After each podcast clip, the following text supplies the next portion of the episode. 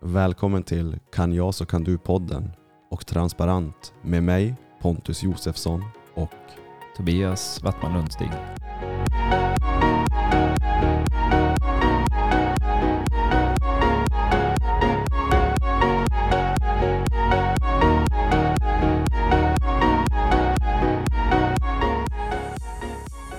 del fyra Tobias.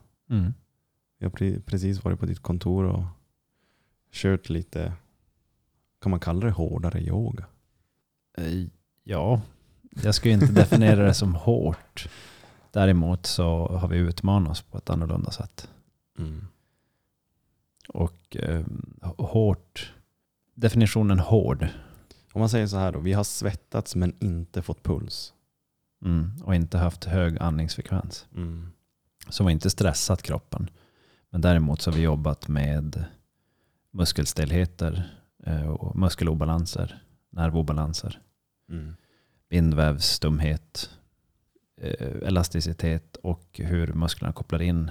eh, Hur, hur motorik och muskulatur och elasticitet, stelhet kopplas in och samspelar. Och det är när vi tränar den här formen så övningarna i sig eller rörelsen i sig är ju enkla. Mm. Däremot när vi utför dem så märker man hur enkla de är för min kropp just idag. Precis. Och det som man ser är att vi har väldigt mycket, eh, vi är för stark i en riktning. Och när vi börjar göra de här till synes enkla övningarna, då behöver vi ta i enormt mycket för att få musklerna att släppa efter. För vi har vant dem att träna i en viss riktning. Så då har de tappat sin förmåga att vara ja, det de skulle kunna vara då. Mm. Som du förklarade det, det musklerna under ytan, eller vad var det du sa? Musklerna under Ehm, de stora ja, vi musklerna? har ju egentligen vi har ju ytliga och djupa muskler. Djupa. Mm. Mm. Så core-muskulatur ja, nära skelettet. Mm. Och all den här muskulaturen, säg det som håller tag i skulderbladen och eh, in i ryggraden och som kopplas från rygg till reben till, eh, om vi tar en sån enkel sak som att andas. Så för att ta ett eh, riktigt djupt andetag så behöver revbenskorgen släppa efter, öppna sig. Ligger det då för mycket muskelspänningar eller stelheter i vägen. Så när vi väl ska andas, då börjar musklerna hålla emot. För de tar i istället, tar i åt, eh, man kan säga åt, um, åt det hållet som de inte skulle vilja göra. Så då släpper de inte efter. Och en person då som har fått det under längre tid eh, får en ehm, lägre eh, andningskapacitet. Alltså de kan inte fylla upp den volymen de behöver. Och jag hade en, eh, en ung tjej som var in på på behandling här för ett par veckor sedan.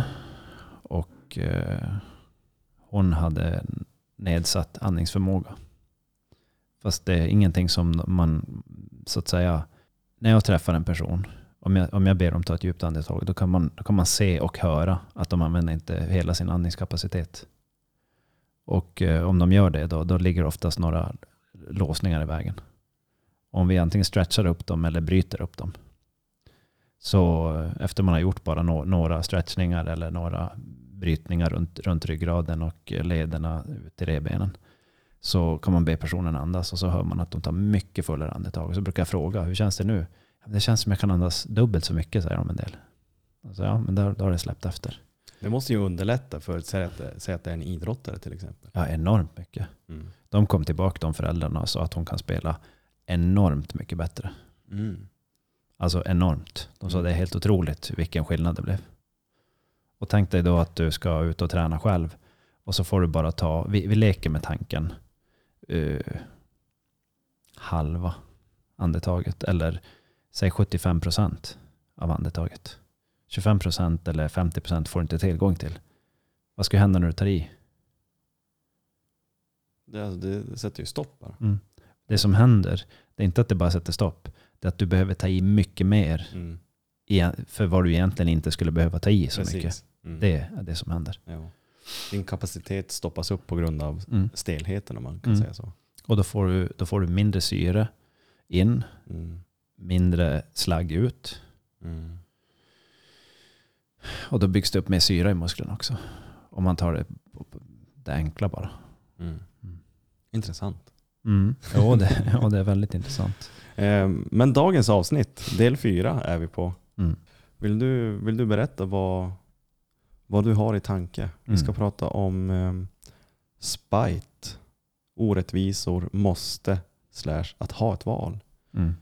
Vi börjar, vi hoppar in direkt på spite då. Mm.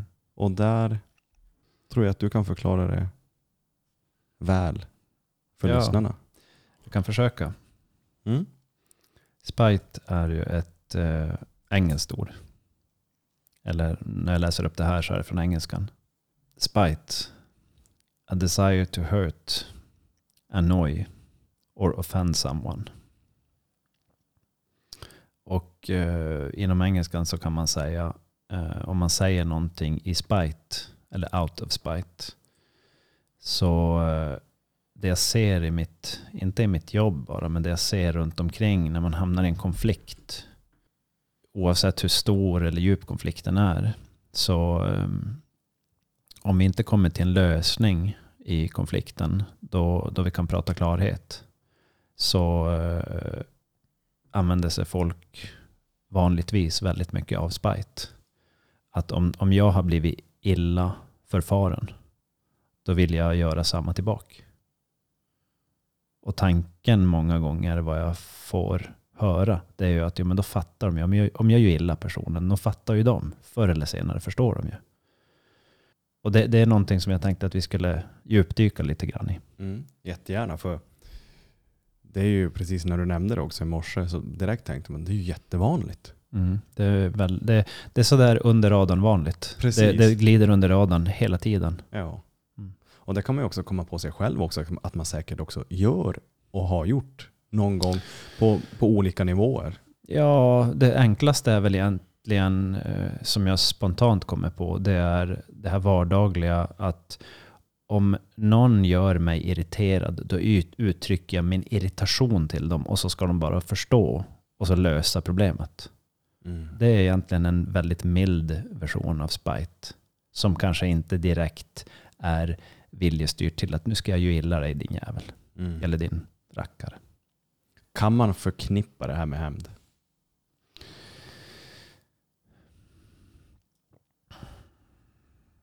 Det går nog att förknippas med hämnd. Mm. För jag kan tänka mig att om det blir en aggressiv spite, att då kan det bli en ganska rå hämnd också. Ja, alltså he- helt klart kan det förknippas med det. Nu Mm. kan ju säkert någon som jobbar med, jag vet inte om det är rätt att säga, någon som är lingvist eller någonting liknande kan säkert slå mig på fingrarna och säga ordagrant så här Mm. eh, är orden. Jag går in på andemeningarna. Mer än, än ordens direkta, precisa betydelse. Mm. Eh, Så det är egentligen andemeningen runt omkring beteende som, leder, som är kring beteendet som jag är ute efter. Mm. Och då använder vi språk nu för att prata om de här sakerna. Och än en gång om någon sitter och har, är väldigt eh, har djuplodat eller dykt in i, i språkkunskap så, så be om ursäkt om jag inte kan uttrycka mig fullt ut. Men jag försöker lära mig. Och eh, i just att agera med spite, det jag tänkte att vi skulle titta på, det är att det existerar och hur mycket jag som person ser det. Och sen hur mycket jag som person använder mig av det. För det som är intressant med det hela, det är att om jag förstår det och ser hur mycket jag använder mig av det, så kan jag i så fall börja avbryta min egen användning av området. Och det i sin tur gör så att jag sprider mindre, ja ska man vara krass, mindre ondska. Hur, men om vi tar ett exempel då så att lyssnarna också kan liksom få en, hel, en helhetsbild över det hela. Hur kan en spite börja? Vi har ju dragit några lätta exempel, men liksom varför använder vi det? Och, och liksom, vad, vad leder det till? Alltså vad det, det, det, varför vi använder det och vad det leder till, det, det är två olika saker. Mm. Varför vi använder oss av det. Eh, oftast så är det, det är intressant att ha ett samtal om varför använder vi av det. Mm. Varför använder vi oss av det? Och sen vart, eh, åt vilket håll går det här när man använder sig av det? Mm. Så eh, om jag har blivit illa behandlad av någon och så känner jag att jag inte når fram, men jag vill nå fram. Hur kan jag då nå fram på något sätt så jag känner att jag kan eh, hävda mig själv? På vilket sätt kan jag nå fram? Om personen beter sig på ett visst sätt så kan jag bete mig liknande tillbaka. Säg att jag har blivit illa behandlad. Sannolikheten är, det finns en hög sannolikhet, skulle jag säga, att personer som har blivit illa behandlade har svårt att älska tillbaka om man så säger. Så om jag bara nu leker med tanken, jag kallar dig en idiot Tobias. Mm. Du är en idiot. Mm. Nu håller jag på med sådana här saker och tränar så jag skulle ju jag skulle direkt eh, ställa sig så här, jaha okej. Okay. Eh, vad har hänt? eh, så det blir, det blir som så, jag, jag har svårt att ta det allvarligt när Ja, du säger det. Ehm, Men jag tänker så att lyssnarna också förstår att om jag kallar dig idiot, jo. att du liksom vill bli aggressiv Mm. tillbaka på något sätt. Jag har ju lite svårt på det sättet att eh, agera aggressivt tillbaka nu. Alltså för att Ja. jag vet att aggressiviteten... ehm, det, det är inte så att jag är avsaknad av aggressiv... Det är inte så att jag är helt avskalad från aggressiva känslor. De finns ju i mig. Men däremot så är jag väldigt noggrann till att eh, tänka på vad jag säger och tänka vad det leder till. Mm. Sen kunna vara ärlig med att säga att eh, jag upplever som frustration nu så jag skulle, känslan är att jag skulle vilja strypa någon. Det låter lite som giraffspråket. Jo, det är ingen skillnad. Nej, Det är non-violent communication. precis. Mm, Ja. precis. Det är ingen skillnad alls. Jag kan vara så ärlig med att vara ärlig. Men däremot att utöva spite är att inte riktigt vara ärlig. Mm. När det där händer så känner jag så här. Men däremot att göra någonting mot en person så att de ska få lära sig. Alltså man kastar nästan en bumerang. Jag kastar den åt ett håll och så träffar den dem från ett annat håll. Förstod de? Nej. Risken är att de blev nu irriterade. I giraffspråket eller non-violent communication då, då är inte syftet att irritera någon annan. Det är att avdramatisera och förstå. Och eh, med non-violent communication så handlar det mycket om att förklara mina egna känslor. Min tolkning. Så att personen i sin tur förstår, jaha, är det så här du känner? Inte utöva någon form av våld på en annan person. Så att de sen ska korrigera sitt beteende och plötsligt komma tillbaka och vara glad. Eller göra det som man har behov av. Är det tillvägagångssättet mot spite? Vad menar du mot spite? Eh, eh, liksom om, om, eh, om du är arg och, liksom, och, och sen istället för att jag ska agera med spite Mm. så agerar jag med non-violent communication. Mm. Liksom Men om, om vi leker med tanken eh, två personer som är irriterade på varandra. Och så blir man så irriterad så att den ena personen knuffar den andra. Vad gör den andra personen då? knuffa tillbaka. Ja, det är en spontan reaktion. Mm. I, i vissa fall eh, så blir det en tillbakaknuff. Mm. Och vad händer då? Det kan sluta med slagsmål. Ja, det blir en knuffmatch. Ja. Mm. Och knuffarna blir hårdare och hårdare. Mm. Och där, där så har vi gått in mer mot eh, åt, åt riktningen mot spite. Mm. Vad som händer Ja. liksom när det urartar sig. Och i, eh, i ett annat perspektiv så skulle man kunna säga non-violent communication. Ehm, um, här, här så kommer ju uh, dels måste in. Måste jag göra det? Måste jag putta den andra? Måste jag putta tillbaka? Eller har jag ett val? Och så som jag, eh, nu, nu försöker jag bara djupdyka och prata om, om, om olika bilder. Det jag skulle kunna vilja tänka på där. Det är, vad händer om jag säger så här. Säg att någon, någon utövar eh, eh, makt mot mig som jag känner är förnedrande. Sätta mig på plats. Få mig att känna mig mindre. Vad, vad, vad, vad har jag för behov då? Vad, med vad du har för behov. Mm. Om någon försöker sätta sig på dig. Mm. Jag förstår inte riktigt. Vad, vad eh, behöver jag göra för att eh, Ja. avvärja mig mot situationen? Behöver jag slåss? Det, jag tänkte just det, det finns ju olika lösningar. Det finns olika lösningar. Ja.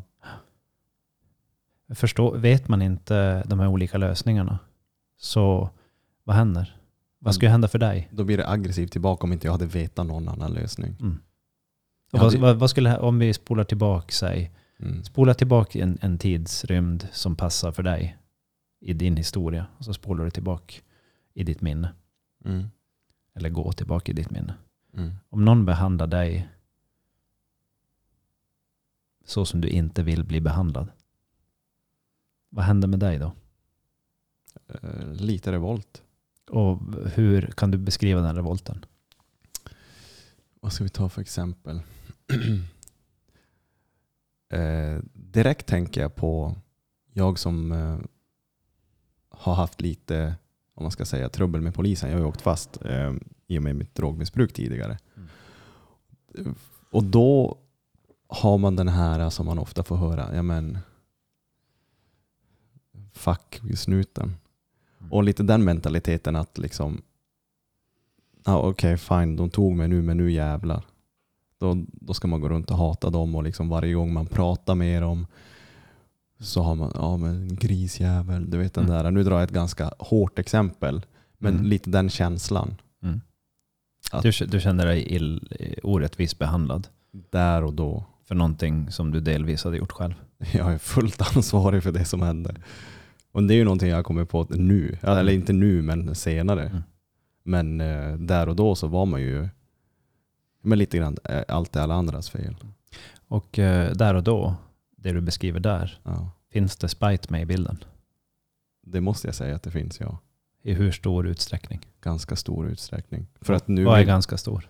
eh, Säg bara en siffra mellan 1 till 10. jag skulle vilja säga ren och skär tia. Mm, precis. så rent där och då så eh, tit- titta personen i fråga. Den här, ditt, ditt, förflutna. Mm. För tillfället där och då så ser inte personen på verkligheten. Mm. Utan ser en felbehandling och vill ta sig ur den Mm. och skylla ifrån sig. Precis. Och det är en, det är en um, om jag läser upp här igen. Ja. A desire to hurt, annoy or offend someone. Mm. ja det, det stämmer ju in. Du störde mig, nu ska jag störa dig. Precis. Mm. Gör det så jävligt som möjligt. Mm. Du gjorde det så jävligt för mig, jag ska visa dig att jag kan göra det jävligt tillbaka. Mm. Och där någonstans så, logiken i det finns ju att det finns ju en, man vill skapa en jämn balans. Du har gjort illa för mig, nu gör jag illa dig. Mm. Men om personen i fråga som tar emot det illagörandet inte förstår att det blev balans nu och släpper så kommer de fortsätta göra det igen. Jo, det, det fick jag bekänna. Precis. Och där är det ett krig. Där, Ja. där växer ett krig framåt, hat. Och, när jag, och liksom om man tar mitt exempel som jag tog upp nu. När jag valde att gräva ner min stridsyxa, då insåg jag också att de här problemen avtar ju eftersom. Liksom det, det blir, det blir liksom frid och fröjd. Mm. Både liksom från deras håll och eh, från mitt eget håll. Mm. Det finns inget agg längre. Du kanske till och med skulle kunna bli en polis nu. Nah. Jag, som svar på det påståendet så är det att jag tror inte jag gillar att sätta dit folk. Då kommer vi till nästa eh, frå- fråga. Eh, eller mm, sak som vi skulle prata om idag. Det eh, måste ha ett val. Måste det vara så att poliser måste sätta dit folk?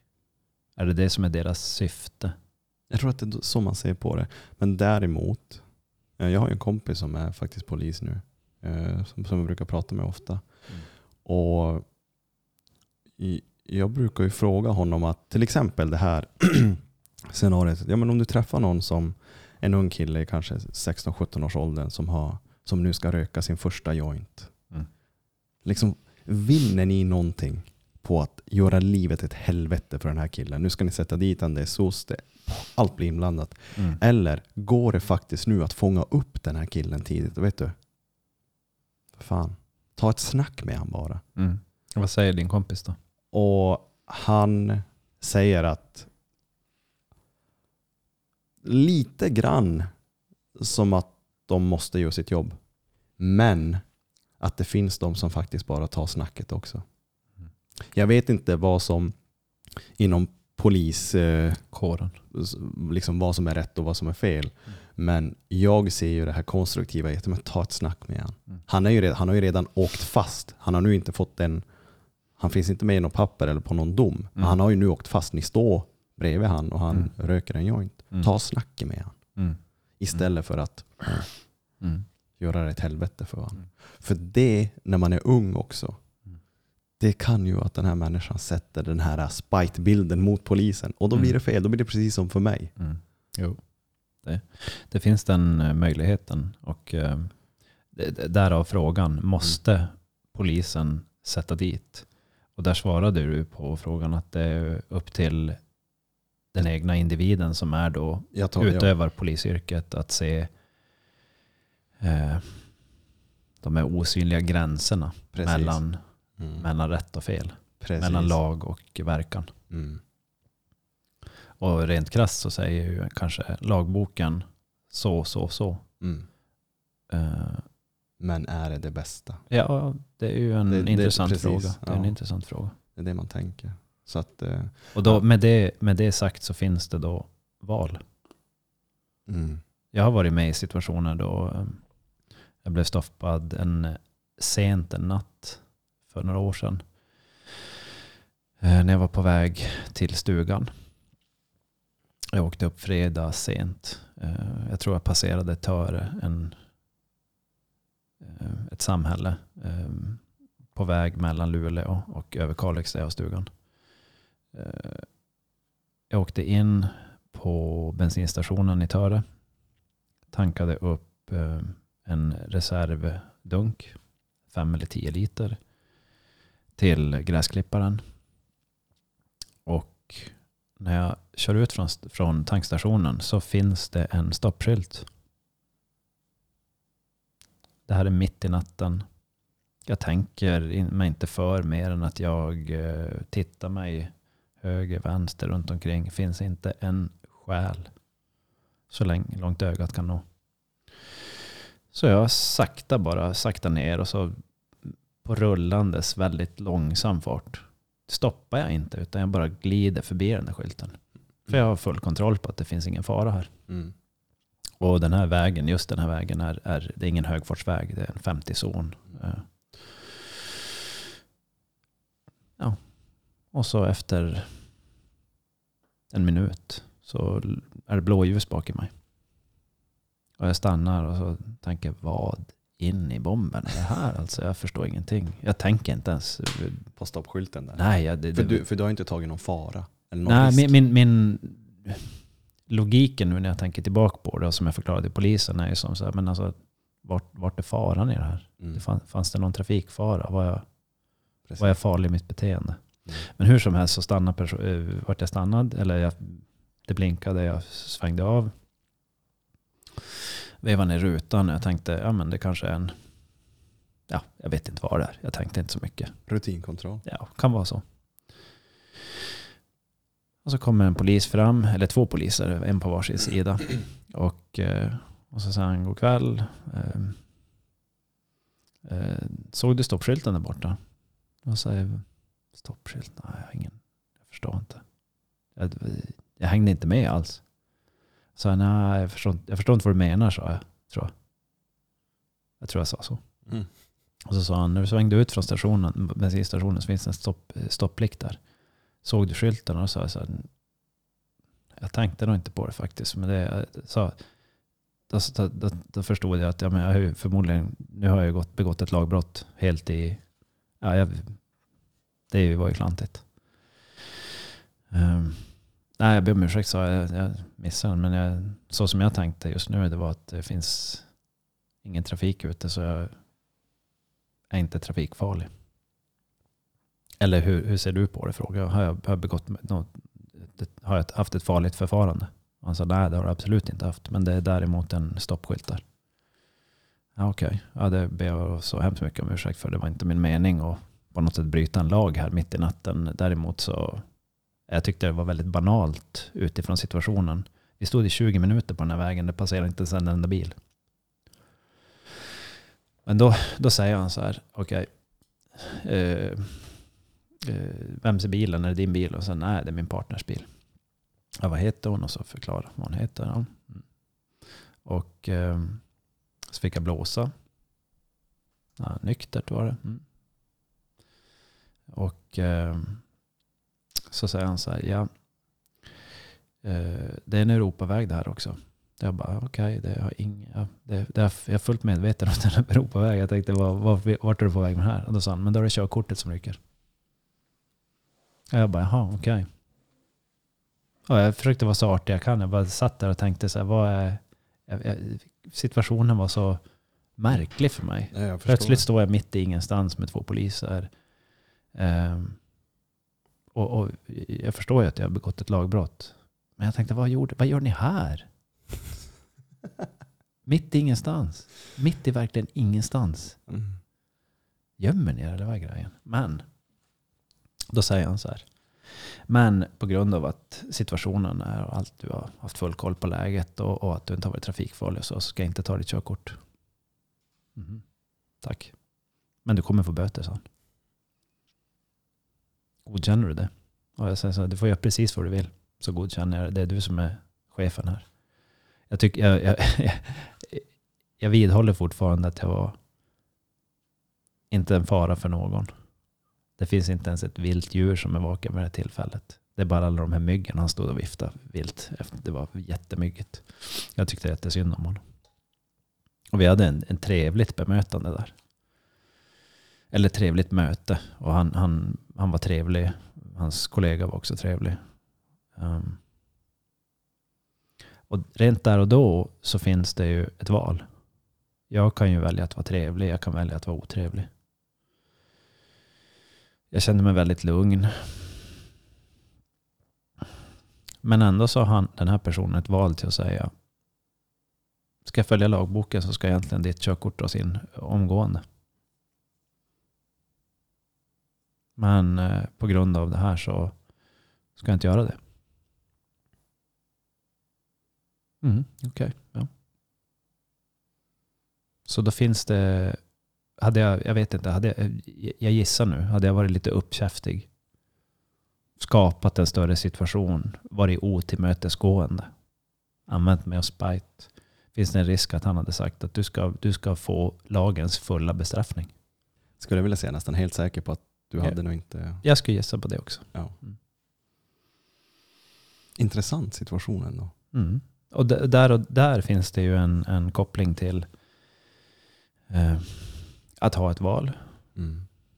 Att se mm, vad är syftet att bli irriterad. För ibland så är ju faktiskt syftet att skrämma motparten. Att vara en mer aggressiv person. Vissa tappar ju faktiskt kontrollen. Men vissa utövar auktoritär makt också. Mm från båda sidorna kan det vara så. Nu gjorde ingen av oss det. Utan vi hade ett samtal mitt i natten där. På den där. Ja, du vet vilken väg det är mellan när man svänger upp Töre mot kör upp. um, när man passerar några gånger. Mm. Så eh, det här var ett exempel på just eh, att en person har ett val. Och, och på grund, jag gissar på grund av att jag var artig och trevlig och inte försökte förklara bort situationen eller hitta på saker så är personen i fråga som du är i en polisuniform tillmötesgående och säger ja, men jag kan möta dig halvvägs. Nu säger man inte så. Men det är ungefär det jag hör. Jag kan möta dig en bit på vägen så vi, vi gör så här. Mm. Vad fick du i böter? Ja, två och ett halvt tusen eller Ja, sånt. Jag, jag kommer inte ihåg, men där kring tror jag. Mm. Och böter de kommer fort. Den fakturan kommer jättefort. Jo, det, Boom! Det, Jo, du, det bara smäller till så ligger den i brevlådan. I know. Ehm, Så staten, de, de kan sina grejer där. Något jag tänkte också, mm, det här är ju jättebra exempel på spite eh, och att ha ett val. Eh, men något jag tänker på eh, som är ganska vanligt eh, runt om i umgängeskrets och sådär, det är ju det att om vi leker nu med spite och till exempel förhållanden Mm. eh, där, där man ofta får säga att, säga att vi har varit tillsammans. Och och jag. så, ja, så går vi skilda vägar. Och så frågar man mig, ja, varför tog det slut? Ja men Tobias är helt dum i huvudet, bla bla bla. Mm. Och så frågar man dig, ja Pontus är helt dum i huvudet, bla bla Mm. bla. Det är oftast, ofta när man frågar till exempel i relationsfrågor så, att det är alltid den andras fel. Mm. Eh, och till exempel så, om man, och så djupdyker man i förhållandet, ja men han var otrogen, Tobias var otrogen, nu är Pontus otrogen tillbaka Mm. och vi bara förstörde varandra. Mm. Och sen när vi bryter upp, då var det allt ditt fel. Och enligt Mm. dig så är allt mitt fel. Där, där har vi ju en... ehm, min förmå, min ehm, förmåga att se vad jag själv har gjort och fokusera på vad jag har gjort. ehm, och ta mitt eget ansvar har man inte tränat på så mycket. Så då känns det logiskt och lätt att om det är den andras fel så vad är problemet? Det är den andras fel. Jag behöver inte ta något ansvar för det här. Trots att man själv har varit en douche. Ja, det är ju ansvarslöshet. Mm. Okej. Mm. Men just under förhållandet då, till exempel om jag ska besvara din otrohet med mer otrohet. Nu ska jag hämnas, nu ska jag visa Ja, men då är vi inne på just Spite. att eh, då är vi inne på någonting åt det hållet. Det är en, eh, ja, en eh, hämndaktion som ska nu på något sätt balansera händelsen. Mm. Det, det, nu, gör vi det, nu gör jag det. På, på ett sätt är det ju he, tittar vi helt nyktert på det så det finns ett, eh, ett ordspråk. En ö, ett, öga, ett öga för ett öga och en tand för en tand. Och det låter ju sådär, vadå, det är väl rättvist. Mm. Men dra det till sin spets. Då är Mm. alla blinda och tandlösa. Mm. När tar det stopp? Och då kommer vi in på måste och att ha ett val. Mm. Säg nu att någon har slagit ut en tand på mig. Måste jag slå ut en tand på någon annan för att det ska bli jämlikt? Och vad är i så fall jämlikt? Vad är den jämlikheten man strävar för? Vad är det, vad är det att sträva efter? Ja, ja jag, jag förstår. För där, vi säger nu i lek med tanken, just att det är att du får en tand utslagen. Mm. Och då blir ju direkta impulsen och den spontana känslan att nej, nu måste vi jämna ut den här balansen. Mm. Och om vi stoppar, om vi, vi, vi leker med tanken att vi har en, en, eh, vi har en gaspedal och en broms som koppling på en bil. För att någon beter sig illa i trafiken måste vi börja bete oss illa också. Verkligen inte. Varför då? Det gör saken värre. Exakt. Men varför fattar inte den andra personen att om de beter sig illa så börjar jag bete mig illa, att de beter sig illa så de slutar att bete sig illa? Hänger du med? Mm. Det, det är ju samma, det är samma scenario fast nu sitter vi i trafiken istället. Men vad, vad gör man med känslan då att, säg nu att om vi går tillbaka till tanden. Mm. Eh, men du måste ju få stryk tillbaka. För fan, fick du stryk, gav du inget, gav du inget stryk tillbaka? Va? Mm. Vad fan, varför inte det? Liksom så, här, så att man säger sig kanske, vad fan, är du en, är du en loser eller? Mm. Vågar du inte slå tillbaka eller? Mm. Eh, Har, du, har du blivit slagen någon gång? Eh, jo, till och med i TV4. I programmet jag var med i, Elitstyrkan. Okej, på, på vilket sätt blev du slagen Då i var- elitstyrkan? Då var det ju en fight. Så vi skulle ju slåss. Okej. Eh, och våran order var att slå mot huvudet. Okej, så det blev en kamp. Det var som Det- en det var en ka- ja, precis. Kampsportsscenario. Precis, ja. Har du blivit slagen någon gång då det inte är i ett kontrollerat eh, forum? Uh, ja. Ehm, om man lär sig att slå, eller om vi säger så här då, när du blev slagen, förstod du vad som menades med slagen? Vad menades med slagen? Kan du beskriva det? Vad kom det för meddelanden med slagen? Typ håll käft. Höll du käft då? Ja. Både ja och, och nej. Beskriv ja och beskriv nej. Eh, jag var så pass skadad. Mm. Och eh, det enda jag kunde säga var ringa ambulans. Och sen efteråt, hur länge höll du tyst? Det blev ju en anmälan. Eh, ja. en, alltså, en anmälan, är det att vara tyst eller är det att svara tillbaka? Eller? Nej, jag tänker, lär, lärde du dig, vad lärde du dig av, det här lät ju som en misshandel då. Mm. Vad lärde du dig av misshandeln? Och vad ville i så fall den, den som utförde misshandeln meddela dig? Vad lär man sig? Och jag vet inte vilket svar du letar. Jag vet inte heller. Men då, lär, då, då, då var det ju inget klart meddelande. Ja, och stanna borta från den här personen. Mm. Prata inte ens med den här personen igen. Ehm. försökte du slå tillbaka? Nej. Okej. Du skulle ha sett hur jag såg ut. Mm. Så rent, rent i den här situationen så lärde du dig bara att det här var ingen bra person att vara i närheten av. Ja, nu när jag tänker tillbaka på ja. Ehm, Så rent, rent här och nu när vi pratar om just den här situationen så kanske den inte, jag vet inte om den är den enklaste att ta så. Men det finns ett, eh, i frågan så finns det så här, jag, jag, vet inte. Det, finns ingen information där. Mm. Det var bara en misshandel, stanna borta från personen, Mm. Vad ville du göra med personen tillbaka? Vad ville du, ville du Jag, jag ville bara in på sjukhus. Just där och då. Mm.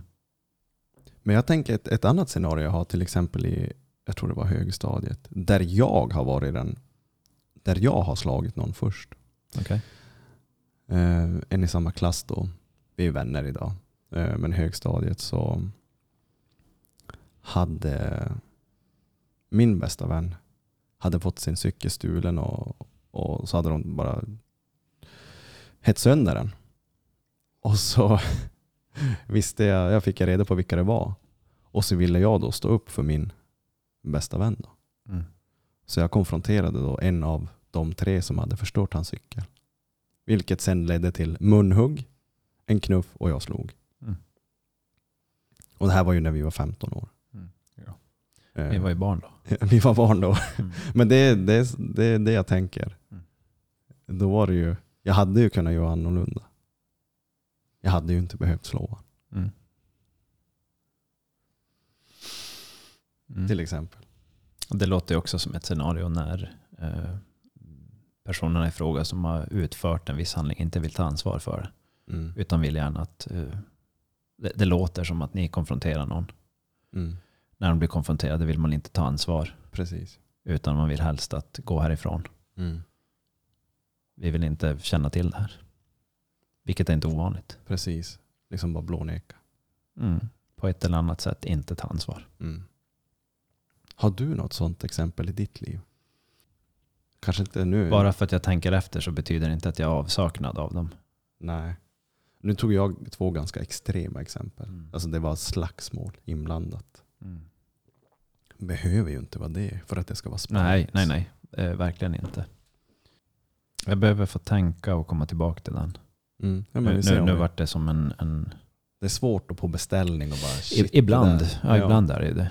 Eh, Det finns säkert, det finns ju tusentals gånger. Mm. Just, just här och nu så känner jag att jag, som man säger på engelskan, drog en blank. Men det är ju på svenska. Ja men draw a blank. Bra, Okej. Ja, drog en blank, jag har aldrig hört någon säga det tidigare. Nej. Mm. Så en, en, en engelsk eh, översatt direkt till svenska. Jag Mm. drog en blanken. Mm. Det var blankt. Det är okej. Vi kan lämna den där.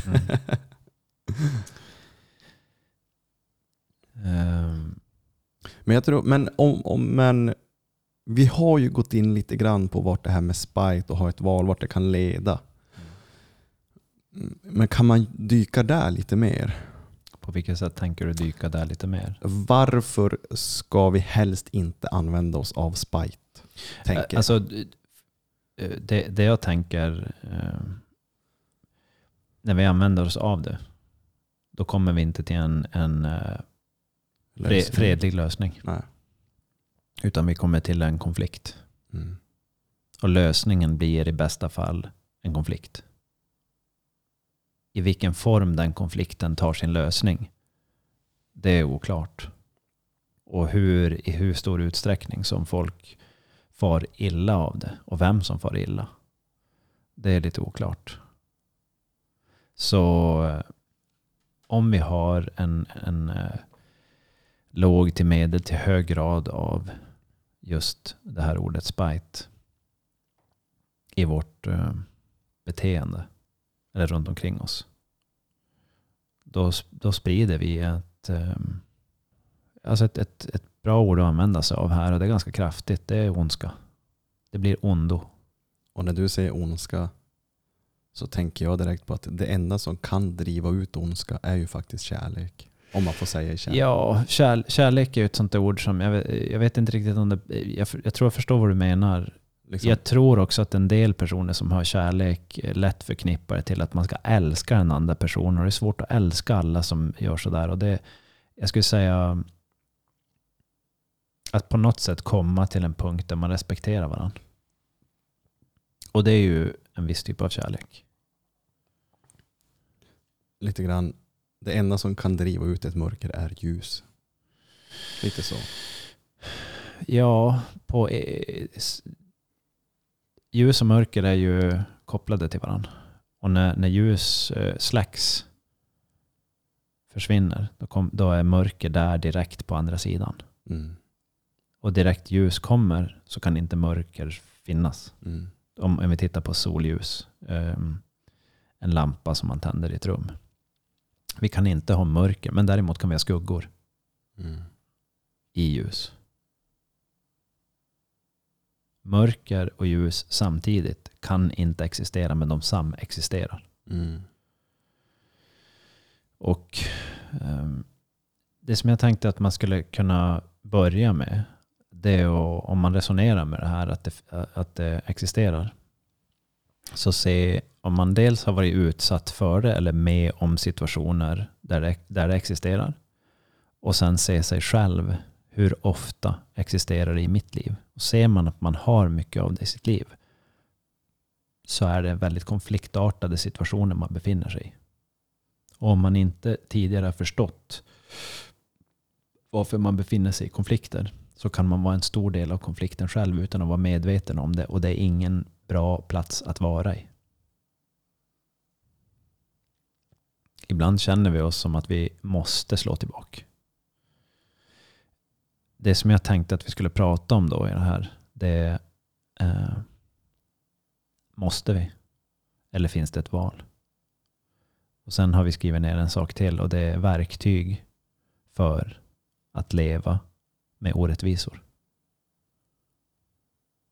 Jag tänkte just det att hur snappar jag upp, om jag nu vill rannsaka mig själv, okej, Mm. har jag mycket av det här i mitt liv? Hur går jag tillväga? För att ta reda på just det. Ja, men om vi säger att vi har en, eh, säg att vi har en konflikt någonstans i vårt liv. Den kan vara, eh, det är någonting jag tycker är svårt. Det är någonting som jag har olöst. Det kan vara en eh, olöst situation med, i en relation. Eh, jag kan ha konfliktartade känslor i, mina, eh, i mig själv. Mina önskemål och mina beteenden. Säg en person som, nu bara rabblar jag upp en massa saker. Mm. Så en person som vill gå ner i vikt, men gör det inte. Gör inte handlingarna för att gå ner i vikt. En person som vill skapa ett nytt beteende, men skapar inte strukturen för det. En person som gärna skulle vilja lösa en konflikt med en person. Men vill gärna att personen förändrar sig. För att jag ska kunna prata med dem. D där kan man se. Och då kommer vi in på eh, måste ha ett val. Verktyg för att leva med orättvisor. Man kan tycka att det är orimligt. Hur en person beter sig. Men om jag är villig att möta personen där personen är.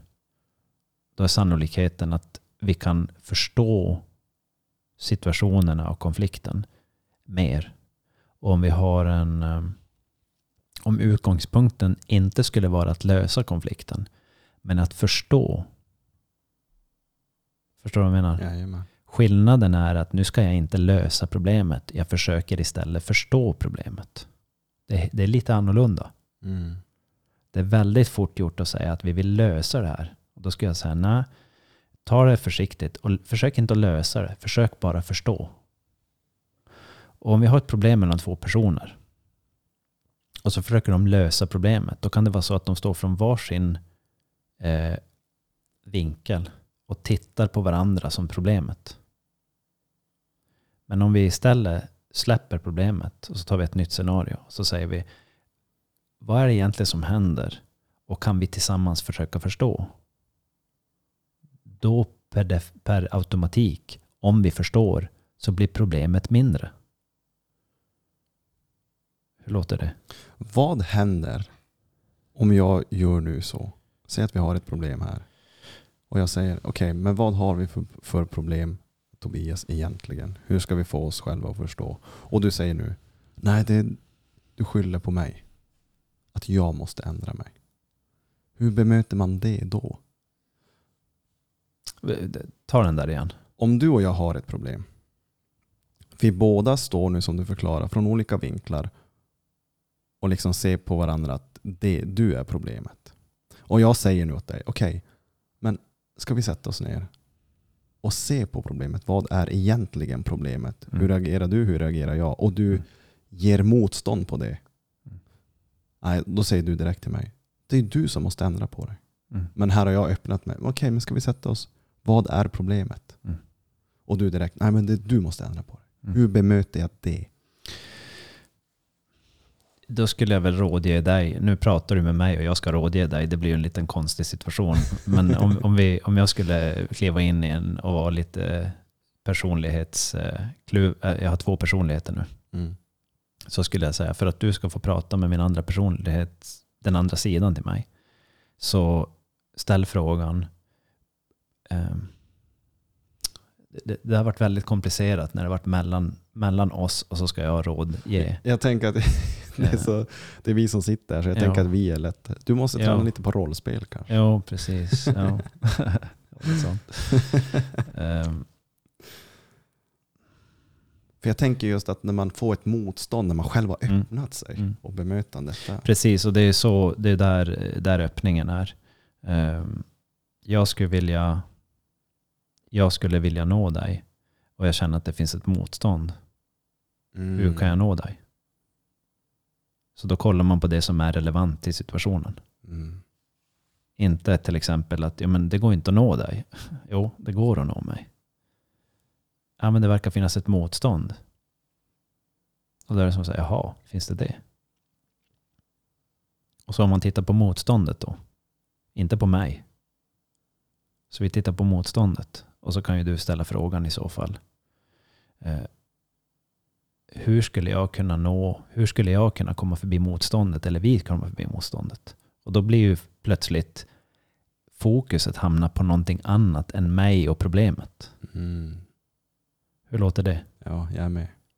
Och hur låter det? Det låter bra. På vilket, varför låter det bra? För du, det är ett klart exempel. Okej. Eh, för, för att jag tror att man kan... eh, Jag tror att det handlar lite om stolthet också. Just i, i, i, sån, i en sån här konflikt. Att man kanske inte vill ge med sig. Och kan man då liksom snällt, med ett snällt bemötande och öppet Mm. bemötande.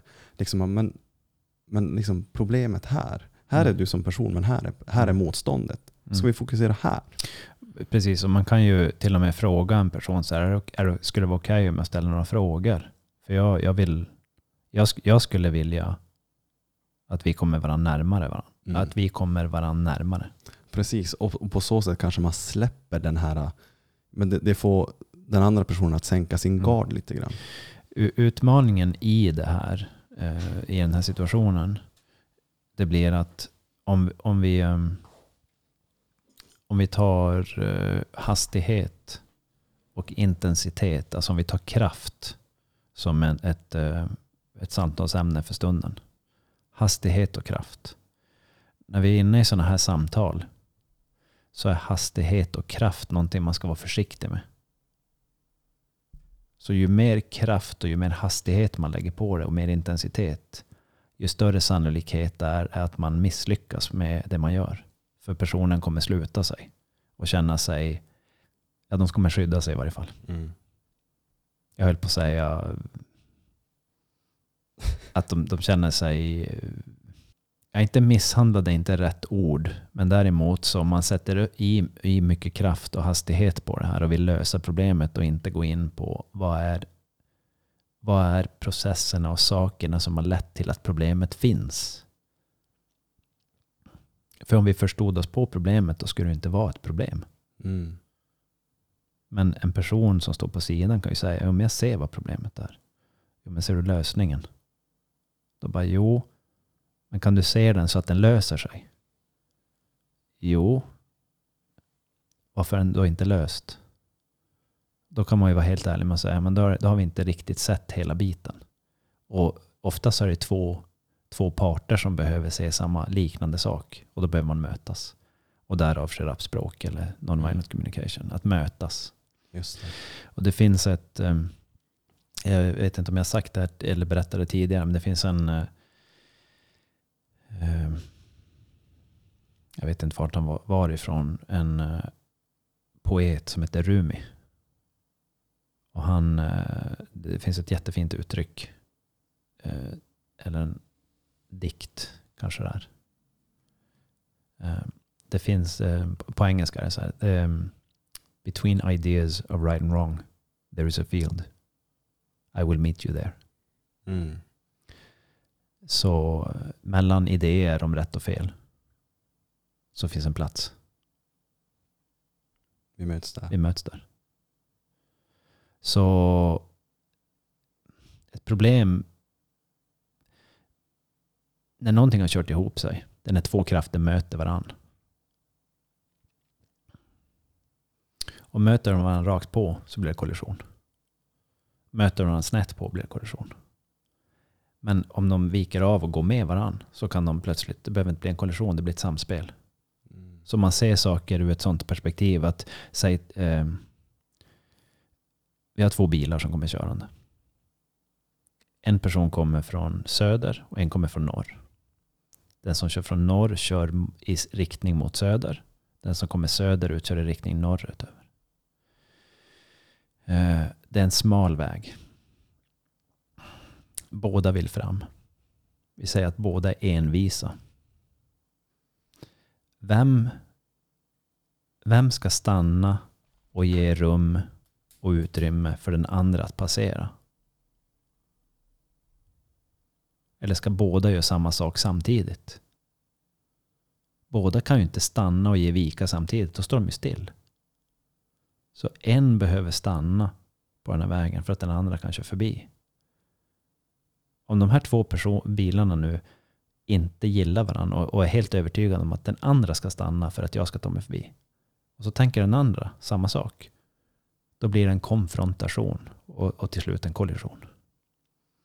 Däremot om en person, en bil, sakta kör till sidan så den andra kan glida förbi. Då, då är det ingen kollision, ingen konfrontation.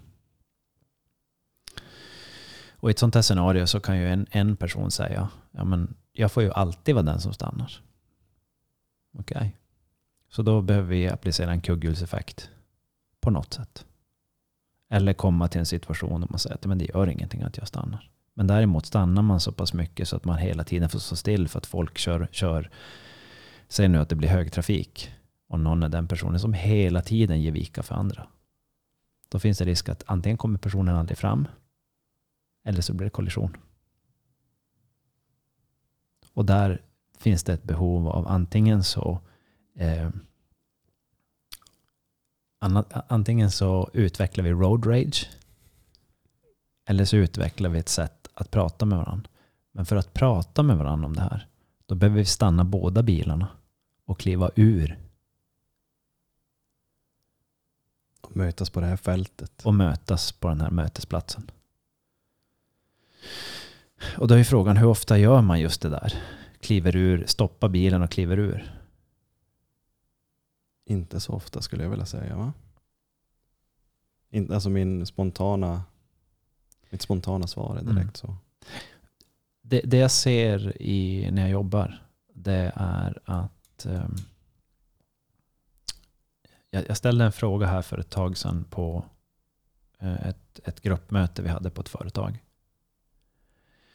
Eh, så frågade jag hur, hur ofta eh, bromsar vi in farten så att vi får i lugn och ro sitta och umgås och vara sakliga och ta saker vi har upplevt. Eh, så att vi verkligen får, får samtala ut. Hur ofta? Och då säger en av killarna som sitter där, så här, det händer ju aldrig, förutom när vi är här. Eller när man är på typ en after work. Ja, after work då, då blir det oftast en annan typ av... Um, jag skulle säga att många after works är inte den... Det, det, är inte en dålig plats. Det är det verkligen inte. Men det är en stojig, stimmig miljö då uh, man går som inte ner på djupet. Nej, men jag tänker att uh, oftast är det det som blir det enda tillfället. Ja, Okej, okay, du tänker så. Jo, ja, men det kan jag väl köpa. Uh, för, och, och det som blir fel med det är att det är alkohol inblandat. Och man sitter och mm. vräker ur sig saker som man kanske inte bör göra och så vidare. Nej, precis. Och då i de här, eh, det här samtalsrummet som skapas på en after work, även fast den är trevlig, den är social och trevlig, mm. så är det inte där man ska ta de känsligaste Nej. sakerna. Nej, precis. Nej. Nej. Det, det, det, är min mening att det inte är det bästa. Eh, det, det, after worken eh, är inte en negativ plats. Men däremot så är den inte lämplig för just den där stilla. Man kan inte kräva av barpersonalen och hela restaurangen att de ska stanna upp och vara tyst för just oss. Så det jag menar bara är att det finns ett behov för att stanna upp, stanna bilen, mm. kliva ur och möt din medtrafikant istället för att möta en mottrafikant. Det håller jag verkligen med om. Jag har ju, jag har ju sju år i gruvan där det var väldigt påtagligt just sådana här grejer. Där, jag tror att det förekommer på väldigt många arbetsplatser. Eh, just det här med att man går inte på djupet. Har vi ett problem, ja men fan fort, hur löser vi det? Ja, men det här borde ju alla förstå, eller hur? Alla, vilken idiot som helst måste ju förstå det här, eller hur? Hur ofta har du hört det? ja. Ganska ofta. Ganska ofta. Och du som idiot, förstod du allt du behövde förstå? Nej. Nej, inte jag heller. Nej. Så då är vi plötsligt alla idioter. Ja. Som bara borde förstå. Visst, det borde ju alla idioter förstå. Du kan inte vara en idiot. Men vad hände just i det här exemplet när du pratade med den här eh, personen som kom in och sa att du frågade hur ofta pratar Vi satt, vi satt nog sex, sju personer då plus jag. Mm. Uh, och jag ville, det, det, jag vill, det jag ville göra med frågan, det var att föra fokuset till att det vi gör, vad är, vad är det vi egentligen gör? Har det ett värde? Jag brukar fråga alla som kommer in på sådana här samtal att vi brukar ha ett, re, ett regelverk som vi följer. Man får bryta reglerna, men då får man också ta konsekvenserna av det. För det finns konsekvenser av, regler, av, av, eh, att följa reglerna och inte följa reglerna. Och det är väldigt enkla regler. Det är att visa respekt. Och att vara närvarande. Har ni två regler? Det är ungefär de reglerna. Vad händer om de bryts? Ja, det som händer blir att det blir ingen närvaro och det blir ingen respekt. Och det är respekt och närvaro som behövs för att lösa problem. Mm. Så den här, den här eh, citatet från, eller eh, dikten från Rumi som, läs, som, som jag berättade om nyss. Mötesplatsen mellan rätt och fel. Den finns, den, vi hittar inte dit om man inte har närvaro och respekt för varandra. Så, och när, när jag säger närvaro och respekt, då är det ingenting som vi kan tvinga någon annan till. Utan vi kan önska och få det. Det är så jag ser på det. Så därför frågar jag alla. Ehm, det jag vill att alla frågar sig själv när vi sätter oss i ett sånt här rum. Det är hur närvarande är jag? Och jag behöver inte vara mest när, det är ingen tävling i närvaro. Men däremot så kan personen säga, men jag känner att jag inte är speciellt närvarande, jag är ganska stressad. Jag har svårt att vara närvarande kan de säga. Då, då kan jag säga tack. Då är du närvarande, för du är, du är närvarande med vad du upplever. En del är inte vana att få sådana frågor. En del säger så här, ja men vadå, jag sitter ju här. Ja men det är inte nog. Om Närvarande. du, drö- om du drömmer dig iväg. Eller säger att jag har inte tid att vara här, men jag tänker sitta här. Då är det som så här, men gå, gå härifrån. Gå och gör det där andra som du behöver göra. För vi vill ha folk som deltar här inne. Och deltar vi här inne på den här nivån, då får vi mer gjort efteråt. Närvarande men ej deltagande. Ja, precis. Eller man kan säga tvärtom faktiskt. Deltagande men ej närvarande skulle jag vilja säga. Ja, ja precis. Så Mm. blir det ju. Precis. Så blir det. Så du, har, du fyller din stol, men du vill inte vara här. Och då är det som, men åk härifrån. Mm. Och det brukar jag säga när jag föreläser också. Om det är någon som sitter här inne och känner att det här har inte jag tid med, jag vill inte vara här, jag blivit ordinerad att sitta här. Så skulle jag vilja be dig att om det är så du känner så ställ dig upp och gå härifrån. För då tar du inte emot det som, det som kommer sägas här idag. Men om det är så att du, du plötsligt känner att du kanske inte var helt närvarande. Om du vill sitta kvar. Fråga om du kan sitta kvar och vara närvarande. Fråga dig själv det. För just nu är du inte tvingad till att göra det. Jag gav dig just ett, ett val. Mm. Att du får gå härifrån om du känner att det här är ingenting för mig. Och det är okej. Det är helt okej. Mm. Det är faktiskt till och med bättre. Ja. Och då vet inte jag om folk är rädd eller om de är ärliga. Men jag har aldrig varit med om att någon har gått. Däremot så har jag varit med om att folk kommer upp efteråt och säger så här. Det där var otroligt intressant det du, frågade, det du sa där. För jag märkte att jag var inte ens jag var inte intresserad av att sitta här. Jag kände mig tvingad. Och jag gillade inte ens dig, sa de. Det har jag fått höra flera gånger. Men jag förstår inte varför. Förrän du frågade mig, förrän du gick vidare och berättade att om du har till exempel en chef eller någon som har tagit in dig. Då kan det vara så att genom att spajta chefen så kommer jag nu inte gilla dig. Mm. Förstår du vad jag menar? Ja. Så genom att jag inte gillar chefen och chefens förfarande och chefens beteende, så vem än chefen kommer in med, kommer jag ogilla. Precis. Och det är ett ondskefullt beteende. Mm. Det är till ondo. För jag kan ju vara absolut den bästa eller sämsta. Det vet vi inte. Och chefen i fråga, har någon en dålig relation till den här chefen och så tar chefen in en person som mig eller dig. Det vi behöver göra i så fall är att förklara till personen att jag är en separat person. Jag är inte din chefs bästa kompis. Jag är någon som ska hjälpa din chef och er att på något sätt se någonting som ni inte kanske riktigt såg tidigare. Och där eh, vill jag avdramatisera spite. För man får väldigt mycket spite mot sig. Som egentligen inte ens är kopplat till dig. Nej, men det blir kopplat till mig. Ja, om, ja. Men det finns ju i rummet. Mm. Ja, precis. Mm. Shit, det är sjukt intressant. Mm. Och förekommer. Och därav just det här verktyg för att leva med orättvisor. Mm. Verktyget som jag nu använder mig av är att eh, prata om saker som jag sett och upplevt. Som jag vet samspelar i dynamiker mellan människor. Och prata om dem på ett öppet sätt som människor säger att ja just det, men de existerar ju för mig också. Ja, det här är mänskliga relationer vi pratar om. Och för att mötas någonstans mitt emellan där, vart nu det är, så har vi ett behov av att bara för en stund släpp det där och så ser vi vad som händer.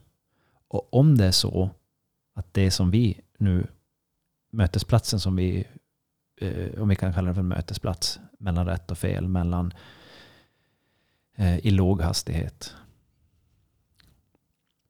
Om det inte löser problemet då får du plocka upp alla de där verktygen efteråt och ta tillbaka dem.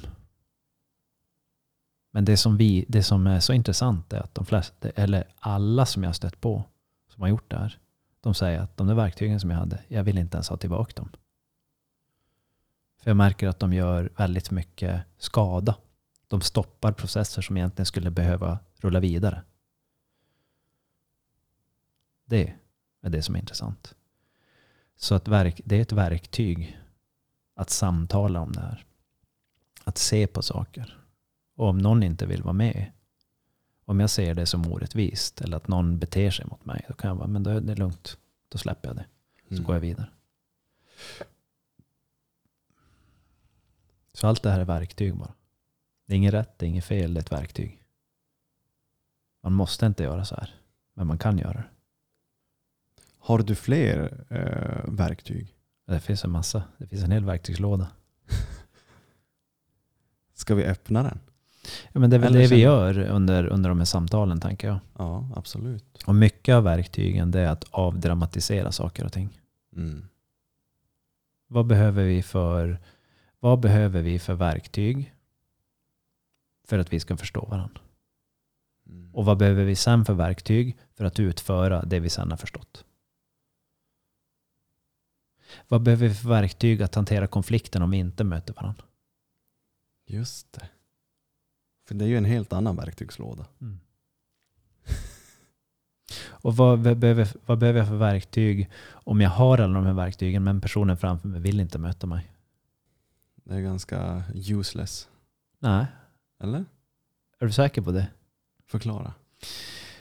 Om en person inte vill mötas, måste vi mötas då? Mm, du tänker så. Nej, det behöver vi inte. Eller på vilken nivå kan vi mötas? Precis. Mm. Just det. Så när någon eh, är en mentor för någon, säg, eller en förälder till någon, så behöver vi möta, om vi säger den äldre, om vi skulle kalla, kalla fadersfiguren eller, eller föräldrafiguren, är ju på ett sätt en mentor. Och på något sätt kanske också lite av en guru. Om vi använder tre stycken olika termer där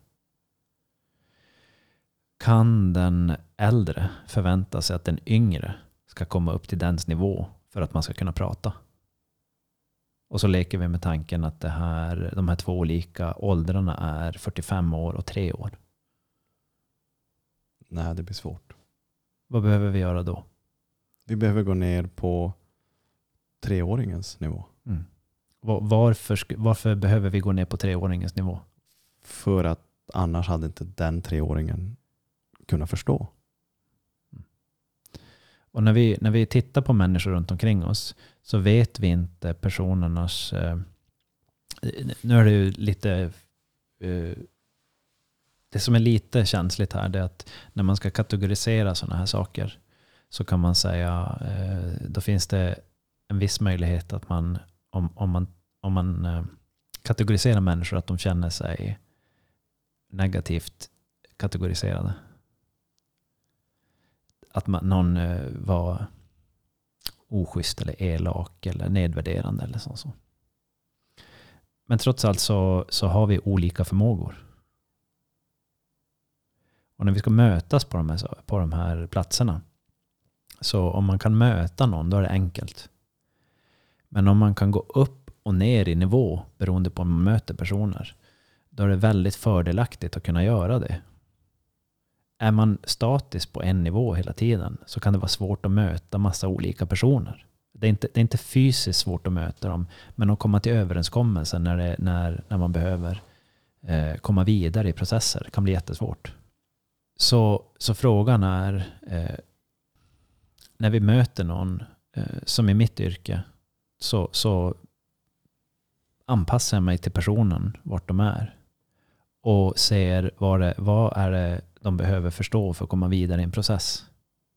Hur kan de bara, bara komma vidare helt enkelt? Och, och vad är det de behöver göra, vad är det de behöver förstå, vad, be, vad behöver jag förstå, vad behöver jag göra för att vi ska mötas. Jag vill ju absolut inte förolämpa dem. Men däremot om det finns en bristande förmåga till någonting och de har den, så vill jag att de ska vara medvetna om att den existerar. Men, men inte göra dem medveten så att de känner sig minimerade av mig. Och det är en hårfin gräns där. Det kan vara en hårfin gräns. Det kan vara en jättehårfin gräns. Det kan vara så hårfin gräns så en del säger så här, gå inte dit. För då smäller det. Och jag skulle säga, gå dit och lär dig hur du, hur du kommunicerar med den. Mm. Och på så sätt kanske man också får lära sig vart gränsen går just för den personen. Ja, alltså det finns ju ett uttryck också som är så här, om du, om du aldrig får falla så kommer du aldrig lära dig att gå. Om du aldrig får ta bort stödhjulen så kommer du aldrig lära dig att cykla. Mm. Eh, Så vill, du, vill, vill, vi, lä- vill vi lösa konflikter så behöver vi gå in i konflikten. Men vi kanske inte behöver gå in i den med jättehög fart, jättemycket kraft och jättemycket skydd. Mm. Utan säga så här, jag, jag, vill inte, jag vill inte slå mig in här. Kan jag få bli inbjuden? Och man kan bli förvånad hur ofta man blir inbjuden om man säger jag vill inte slåss här, jag skulle vilja bli inbjuden. Då är det som säger, ja, ja okej, kom in då. Nej, inte just nu. Nej. Men jag skulle uppskatta att bli inbjuden någon gång. Och då kan det ta ett par dagar, sen blir man inbjuden.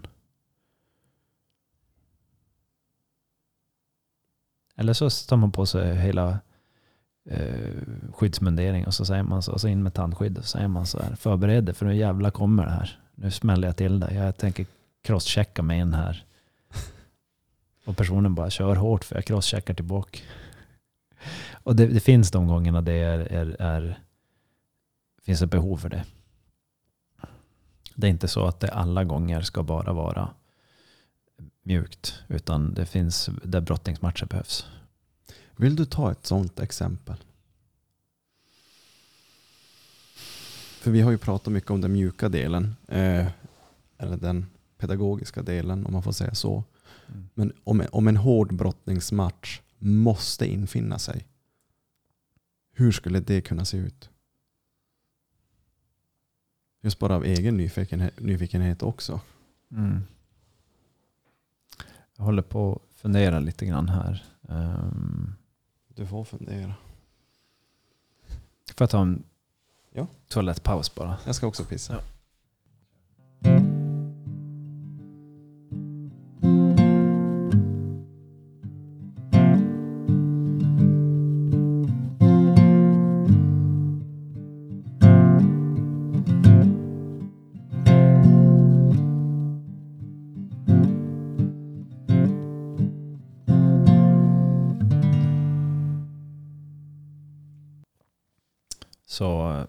En brottningsmatch.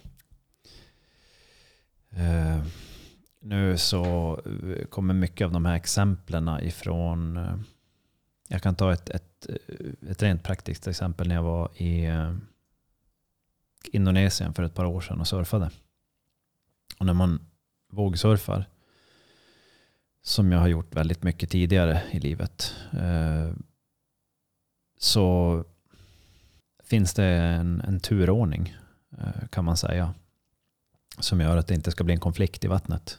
För det kommer ju trots allt det, kom, det kommer impulser av vågor. Och de bryter på ett rev. Och det här revet är på en viss plats. Och på den här platsen samlas det människor. Och när man surfar, eh, det som blir väldigt klart när man, när man håller på med surfning det är att man, man delar på en plats där om jag kan få så mycket vågor som möjligt. Eh, man, kan, man kan säga, för, för att förklara vad våg är, eh, mer än bara kanske det, det, det självklara.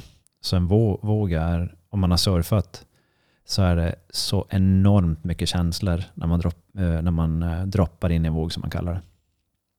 Det är en hel, eh, för de som åker åkt skidor, ett perfekt puderåk en våg är som ett, eh, eh, sam, lika mycket energi som ett, ett berg har på en hel eh, bergsida. bergssida. Så tänk eh, den personen som har varit i en eh, högalpin miljö en perfekt puderdag, så kan en våg vara. Ett stort puderåk, så kan en våg vara. Men i och med att den här eh, skillnaden från det här berget och den här vågen är att vågen kommer en våg. Sen kanske det kommer en våg till. Och så kommer en våg till. Och så kanske det ligger då 20, 30, alltifrån 5 till 50 personer som ska dela på det här. Och det är olika åldrar, olika etniciteter, olika, från olika länder, olika tros... Ja, de olika beteenden helt enkelt. Eh, väldigt mycket män är det. Det har börjat komma mer kvinnor också. Eh,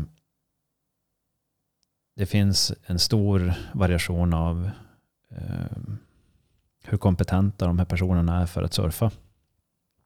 Och allt det här ska blandas med varandra. Och eh, de som är duktigast och mest aggressiva, de tar mest vågor. Det betyder att ju mer vågor de tar, ju mindre blir det för alla andra. Och då var jag på ett ställe i, eh, på Java i Indonesien, som jag brukar åka till ganska ofta. Och jag brukar stanna där för att det är mitt ute i djungeln, det är bara djungel och hav. Det finns inget annat. Så det är en väldigt behaglig plats att vara på. Så väldigt fina vågor. Och så en dag när jag var ute på revet och surfade så var det, det var inte många personer ute, men det var en amerikansk man. Såg ganska välbyggd ut, hade skägg. Eh, mörk, lite, lite relett mörkt, kommer jag ihåg att han hade. Han hade en t-shirt på sig. Och han hade ett... Eh, han, han, var inte, han var inte våldsam. Och han var inte rent otrevlig så.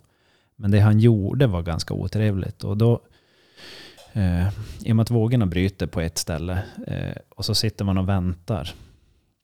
Det är ungefär som att man sitter i ett kösystem. Men då finns det någonting som kallas för snaking. Det betyder att man, man, man lurar till sig vågor. Och det betyder att man sätter sig i en position.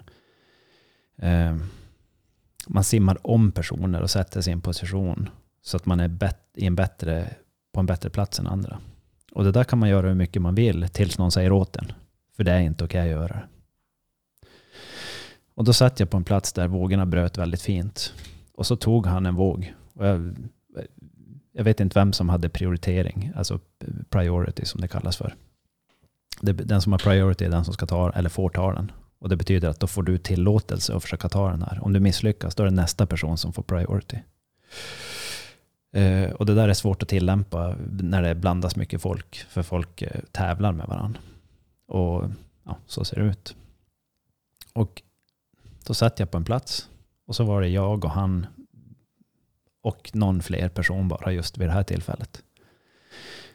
Han simmade på min insida och tog vågen på det bättre stället. Det betyder att jag får inte den här vågen. Ja, fine för mig. Och så kom det inte vågor på ett tag igen. Och så kommer han simmande tillbaka. Och så gör han precis samma sak igen. Han sätter sig på in, han, han, han lägger sig på ett strategiskt ställe och sen så snäkar han mig i slutändan och han tar den vågen som jag hade priority på så att säga. Går det att förstå det här som jag berättar? Jajamän. Okay. Och jag tänkte, ah, det där var irriterande. Okej, okay. det är som säger jag, jag utövar förlåtelse och kärlek. Och det är lugnt.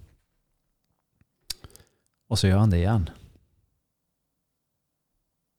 Och då blir jag, alltså jag blir så, jag blir så uppjagad och eh, uppjagad, frustrerad, irriterad, ledsen, arg. Allt på samma gång. Jag tänkte, nej, nej, nej, nej men det här är inte okej. Okay. Och så försöker jag som bara, försöker få ögonkontakt med honom. Och han, han vill inte få ögonkontakt med mig. Och så försöker han göra om det igen. Och då bestämmer jag för nej, det ska han inte få göra. Så jag simmar rakt framför honom och blockar honom som det kallas för. Och det är, det är inget trevligt manöver att göra det. Det är för att visa någon att nu har du gått för långt. Det här är inte okej. Okay. Det betyder ungefär som att om någon skulle tränga sig i kön när man står i en kö någonstans. Så när de tränger sig så bara ställer man sig rakt framför dem och tittar dem i ansiktet. Och, och man flyttar sig inte. Det är en brottningsmatch. Och då när jag blockade honom när han kom simmande, då bara simmade jag rakt framför honom och blockade honom. Så ingen fick vågen. Och så säger jag åt honom så här, vad håller du på med? Och han bara, varför håller du på med? Varför beter du så här? Och så, och så sa jag åt honom, men alltså, du har gjort det här nu fyra gånger på raken och det är inte okej. Okay. Han bara, jag har inte gjort någonting. Det är ju du som beter dig illa. Och då är det som säger, nej, nu ska vi prata om handling, eh, ansvar här. Jag har inte betett mig illa. Jag har suttit och väntat på min tur. Och du har hela tiden snäkat. Och han ville absolut inte ta ansvar för vad han hade gjort. Och det vart riktigt heta, en het diskussion i vattnet och jag kände, jag var så irriterad. Jag tänkte, nej det är inte okej. Okay. Det är inte okej okay att bete sig sådär. Det är att stjäla för den andra. Och rent där så behövdes den brottningsmakten få till. För jag kände att jag nådde inte fram till honom. Och hela den dagen vart en rent... Det var som att jag hade bitit en citron hela den dagen. Den blev helt... Alltså jag, jag hade jättesvårt att släppa det där. Här är vi mitt ute i djungeln. Solen skiner. Vi är på typ världens bästa plats skulle jag kunna kalla det. Och så kommer den här personen och beter sig sådär. Och det här är inte ovanligt. De här personerna stöter man på överallt. Hur tog han det sen då? Nej, han, han, han, han simmade bara bort det. Han försvann därifrån. Mm. Han vart ju, så som jag tolkar det nu, så han, han tog i, eh, illa vid sig. Någon satte stopp för, för vad han gjorde. Jag tror inte han var en elak människa, men däremot så, så han hade nog... Uh, han, han tänkte nog att ja, men det spelar ingen roll, jag är ju duktig så jag bara tar för mig vågor så får de ta resten. Men så säger någon bara, men det är inte okej okay där. Och jag har varit med i, i vattnet när det, när det händer när andra har gjort det där. Och det, jag kan säga att det krävs ganska mycket mod att göra det. Simma upp till någon mitt i vattnet och säga så här, stopp och belägg, så här får du inte bete dig. Och sen ta diskussionen och säga, det, vet, du vad, vet, du vad, vet du varför jag gjorde det? Så det är mycket känslor i vattnet när man håller på med vågsurfing. Det är enormt mycket. Och det, ibland så, jag har aldrig varit med om någonting sånt. Jag skulle inte vilja delta i det heller. Jag får hoppas, jag, jag kommer göra allt vad jag kan för att inte delta i det. Men det är inte ovanligt att det blir slagsmål. Det hör inte till vanligheten att det händer hela tiden. Men det, det är långt ifrån ovanligt. Och till exempel, det finns något som kallas för lokalism, eller localism, där eh, folk som anser att de är lokal, lokala förmågor på ett ställe. Säg nu att det här stället är, den här platsen är, den är väldigt bra och de vill inte att det ska bli för mycket folk. Då börjar de utöva skrämseltaktiker. Så de, de hotar folk, de, det kan vara att man slår sönder fönster på bilar, eh, skär sönder däck, eh, jävlas med folk så mycket som möjligt. Och det är ett sätt för att driva folk bort därifrån. Det är väldigt otrevligt. Det är extremt obehagligt. Och det är folk villiga att göra helt enkelt som är på vissa ställen. Inte nu alla men. Och eh, locals anser att de har mer priority, alltså än de som kommer och gästsurfar. Det är också vanligt förekommande. Nu när vi är i Indonesien på de här ställena så är det, det finns som inte så mycket locals där så att det finns ingen localism på det sättet. Men däremot så stöter man på människor som beter sig. Alltifrån schysst till mindre schysst. Och det är otroligt mycket känslor inkopplat till, till det där. Så därav brottningsmatcher som blir. Folk blir väldigt upprörda på varandra när de beter sig fel. Och en, eh, jag var med om en liknande situation fast det var det mot mig. Eh, när jag var i Australien. Vi bodde i Australien, jag och Sandra, i se, 2000, var det 2007 kanske? Något sånt. Och då var jag på en eh, strand som heter Bells Beach i Victoria. Um,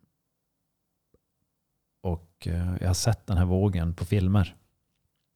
Och på filmen när jag analyserar den så ser den inte så svår ut. Men jag har hört att det, den har väldigt mycket kraft. Det var jag hört om den.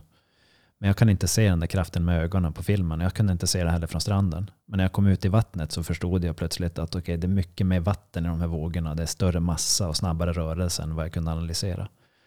Så när jag var där ute och surfade för första gången så ville jag ta det försiktigt. Och det var bra förhållanden. Säg att det var som ungefär upp till taket här, storleken kanske två och en halv meter.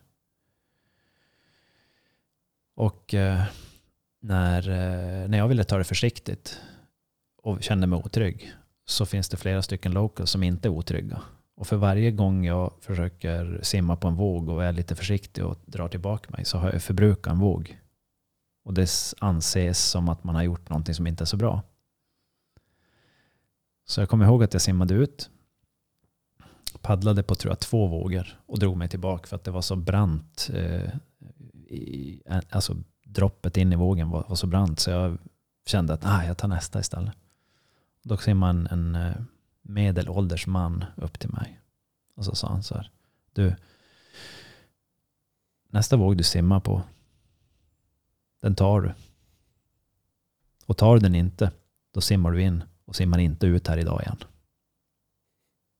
Så sa han till mig. Och då blev jag väldigt, då sa jag till honom så här, men alltså det är ganska brant. Det är lite läskigt. Han bara, jag bryr mig inte om. För vi är här också för att surfa. Och då bara, ja just det, okej. Okay. Och det kändes väldigt obehagligt att få höra det. Han sa det, han sa det inte på ett oartigt sätt, men han var upprörd. Men han var inte så där upprörd och ville... Eh, typ göra illa dig? Nej, han ville inte göra illa mig eller förnedra mig. Nej. Eller minska mig. Han ville meddela att så här ser det ut. Ja.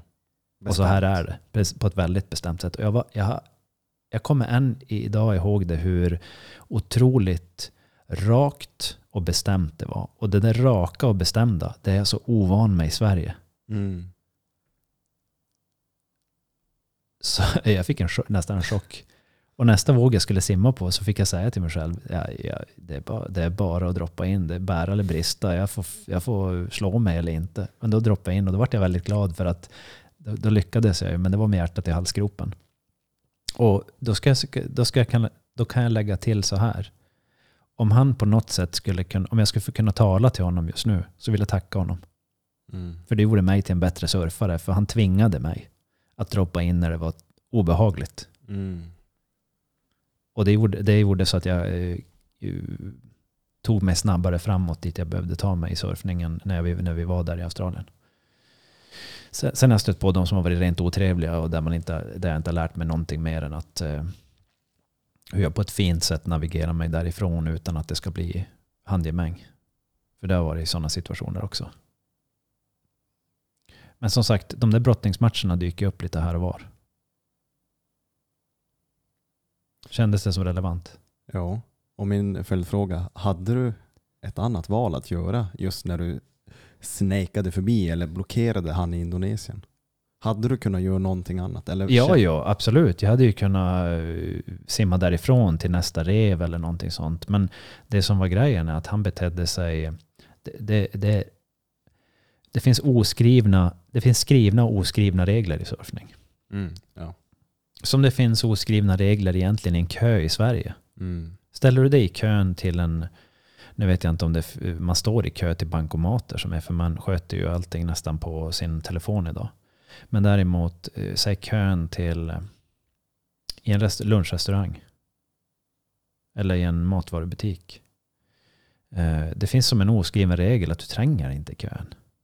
Eller hur, hur tolkar du det? Finns ja. det en oskriven regel för dig också? Ja, alltså det, man, man går inte före i kön, men Nej. det finns ju ingen lag på det. Det finns ingen, men det är en oskriven regel. Ja, det är en norm. Ja, den, den, precis. Mm. Det är kutym. Ja, vi, vi står i kö i Sverige. Mm. Precis. Och det där oskrivna systemet finns i surfning också. Mm. Och då kan man säga så här, om någon tränger sig före dig i kön, går du till en annan butik eller säger du stopp? Det har faktiskt hänt mig eh, och jag tog det. Eh, jag bara, aha. Ja. ja. Men om det händer, en gång är ju ingen gång kan man ja, säga. Ja, precis. Två gånger, ah, tre gånger, då är det någonting. Mm. Och frågan är ju då, vad, vad, vad är valet man har? Vad, vad ska man göra? För någonting kommer man göra. Mm. Antingen så blir jag förmodligen, jag kan bli minimerad. Jag kan minimera mig själv. Det kan, det kan hända någonting i min dag, i mitt liv. Eller så adresserar man situationen. Och på vilket sätt adresserar man situationen? Är det någon jag känner? Är det någon jag inte känner? Mm. Kommer personen göra det igen? Kan situationen bli bättre eller sämre? Så det finns en massa val här. Mm. Och visst, skulle någon tränga sig i kön, säg att jag skulle köpa några bananer och nötter eller någonting och så är det någon som tränger sig i kön. Ja, den här personen, han, hon eller den personen är, verkar vara stressad så låt personen gå före. Mm. Men börjar hela kön gå före mig så jag hamnar i slutet, då blir det ett problem för mig. ja. ja, det är ju en annan sak. Mm. Så vi har oskrivna regler. Mm. Vad händer om de bryts? Vad händer om någon eh, gör det i närheten av mig frekvent? En gång, ingen gång, ja, men det spelar ingen roll. Så på ett sätt så kan det bli en brottningsmatch. Frågan om vilken typ av brottningsmatch. Nu tror jag inte att det behöver gå så att man går till handgemäng eller, eller blir väldigt kraftigt. Eh, men däremot så, så kommer vi stöta på de här sakerna på ett sätt i livet. Jag, hade en, jag har en, en arbets, eh, ett företag som, som har olika grupperingar av människor och de har olika sysslor. Där eh, en viss grupp utövar ett, eh, ett sånt här sätt mot andra grupper.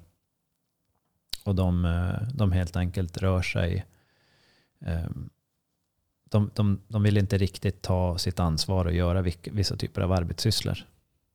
Och då när de inte vill göra det, då hittar de på, då fabricerar de information och säger att de kan inte ha en tid eller ha försökt.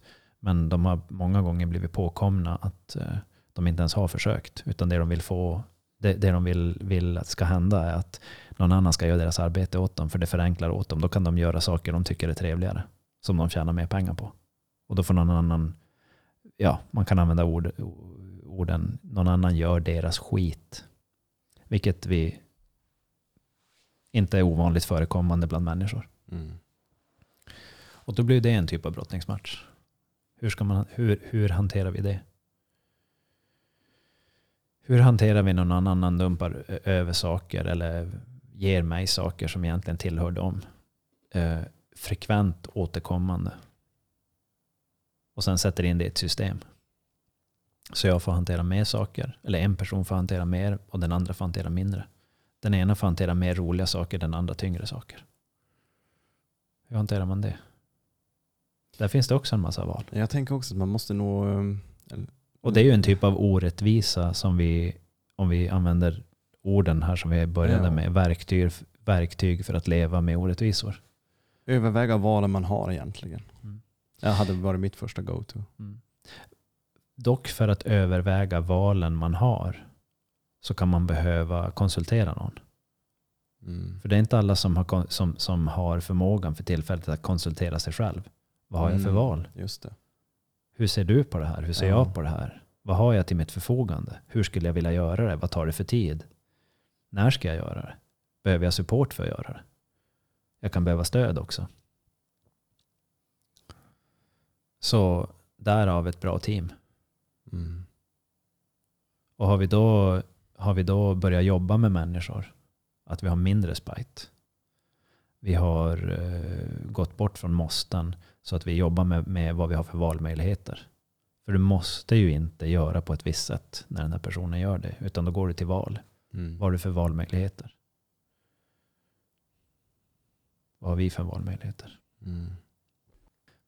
alla de här sakerna som vi pratar om är ju olika typer av fiktiva scenarion.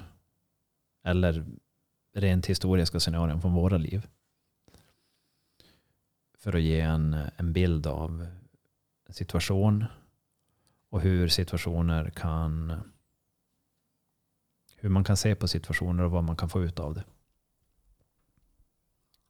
Och tanken är väl att eh, de personerna som kommer lyssna på det här kan på något sätt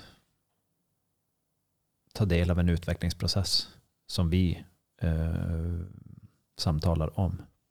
Att det finns olika sätt att se på saker och ting. Olika beteenden, olika reaktioner, eh, olika typer av analyser. Och så få ut en, en mer, komma ut som en mer samlad person än en splittrad person. Ur situationer. Och den där situationen med den här eh, eh, andra surfaren, den amerikanska mannen, eh, är ganska säker att han var amerikansk på hans dialekt. Så rent där, där och då så kände jag att jag behövde göra någonting för annars hade jag tappat självrespekt. För han utmanade mig på det sättet. Han helt enkelt eh, tog för sig på ett sätt som eh, så jag fick mycket mindre. Och de andra fick mycket mindre. Men ingen vågade säga åt honom. Och sen när, när, när jag sätter stopp för det så blir ju första reaktionen bara, vad håller du på med? Varför gör du sådär? Det här var ju min våg. Och sen så, men du har ju tagit fyra vågor. Och vi har suttit här och väntat. Försökt vara artiga. Jag bara, men ja, det är, bara, det är skitsnack. Nej, det är det verkligen inte. Och rent där och då, så genom att göra en sån handling, hur kommer personen reagera? Vem är hon? Vem, vem är den här personen? Det har jag ingen aning om. Men jag känner att jag behöver, jag behöver visa att det här är inte okej okay i närheten av mig. Hit men inte längre. Så eh, eh, jag kommer ihåg att jag var, tyckte det var obehagligt. Men jag upplevde att det behövde göras. Mm. Eh, nu återberättar jag en, en, situation från min sida. Hur, hur låter den här eh, historien som jag berättar till dig? Om jag får den tillbaka berättad. Jag tolkar det som att du gjorde, nu pratar inte vi om att ha rätt och ha fel, men det, det känns som att du gjorde ett bra val, ett rätt val. Mm. Och sen också när du förklarar att du hade tappat självrespekt om du inte hade gjort det. Ja. Liksom, man får ju ta in alla faktorer till varför det faktiskt hände. Mm. Så jag förstår ju dig. Mm. mm så det... Jag hade nu så här i efterhand så hade jag nog kunnat Alltså det, det vart en, det vart en sån... Eh, du, du frågar efter en brottningsmatch. Mm. Och, och, det där är så nära en brottningsmatch som jag... Jag kan, jag kan berätta en till brottningsmatch förresten, eh, mm. alldeles strax. Men eh, jag vill förklara vidare på den här. Det som hände där och då i, i, mm, där i vattnet i Indonesien. Det var att jag, jag var så förvånad över att han bara fortsatte. För jag, med kroppsspråk så försöker jag visa att ja, men nästa våg är min. För man har ett, ett väldigt, vi har ju väldigt mycket kroppsspråk. Eh, men han, han helt enkelt tänkte bara strunta i att de andra ville också ha vågor. Och då när han tog för sig den sista vågen, då bara bestämde jag mig där och då. Bara, nej, men jag sätter stopp för honom. För han, han, det känns som att han vill inte lyssna. Men nu i efterhand hade jag kunnat simma upp till honom och vara lite mer pedagogisk. Så en sida av mig skulle jag kan inte förändra den situationen som var där och då. Men till nästa gång så skulle jag kunna simma upp till en person mm. och säga, du, det du gör där är inte okej. Okay. Mm. Men eftersom att han gjorde det gång på gång så blev jag så förvånad och tänkte att Nej, men nu är det bara stopp. Mm. Så satte jag mig rakt i, i skottlinjen för vart han var på väg. Och så bara stålade jag honom, alltså bromsade upp hans fart framåt. Det, det, är ett, det, är ett, det är ett starkt sätt att uttrycka det här är fel. Men en annan brottningsmatch, och det var en riktig brottningsmatch. Eh, det var, jag jobbade under eh, en del år som eh, säkerhetsvakt i, på en nattklubb i Schweiz. Och det här är 2000,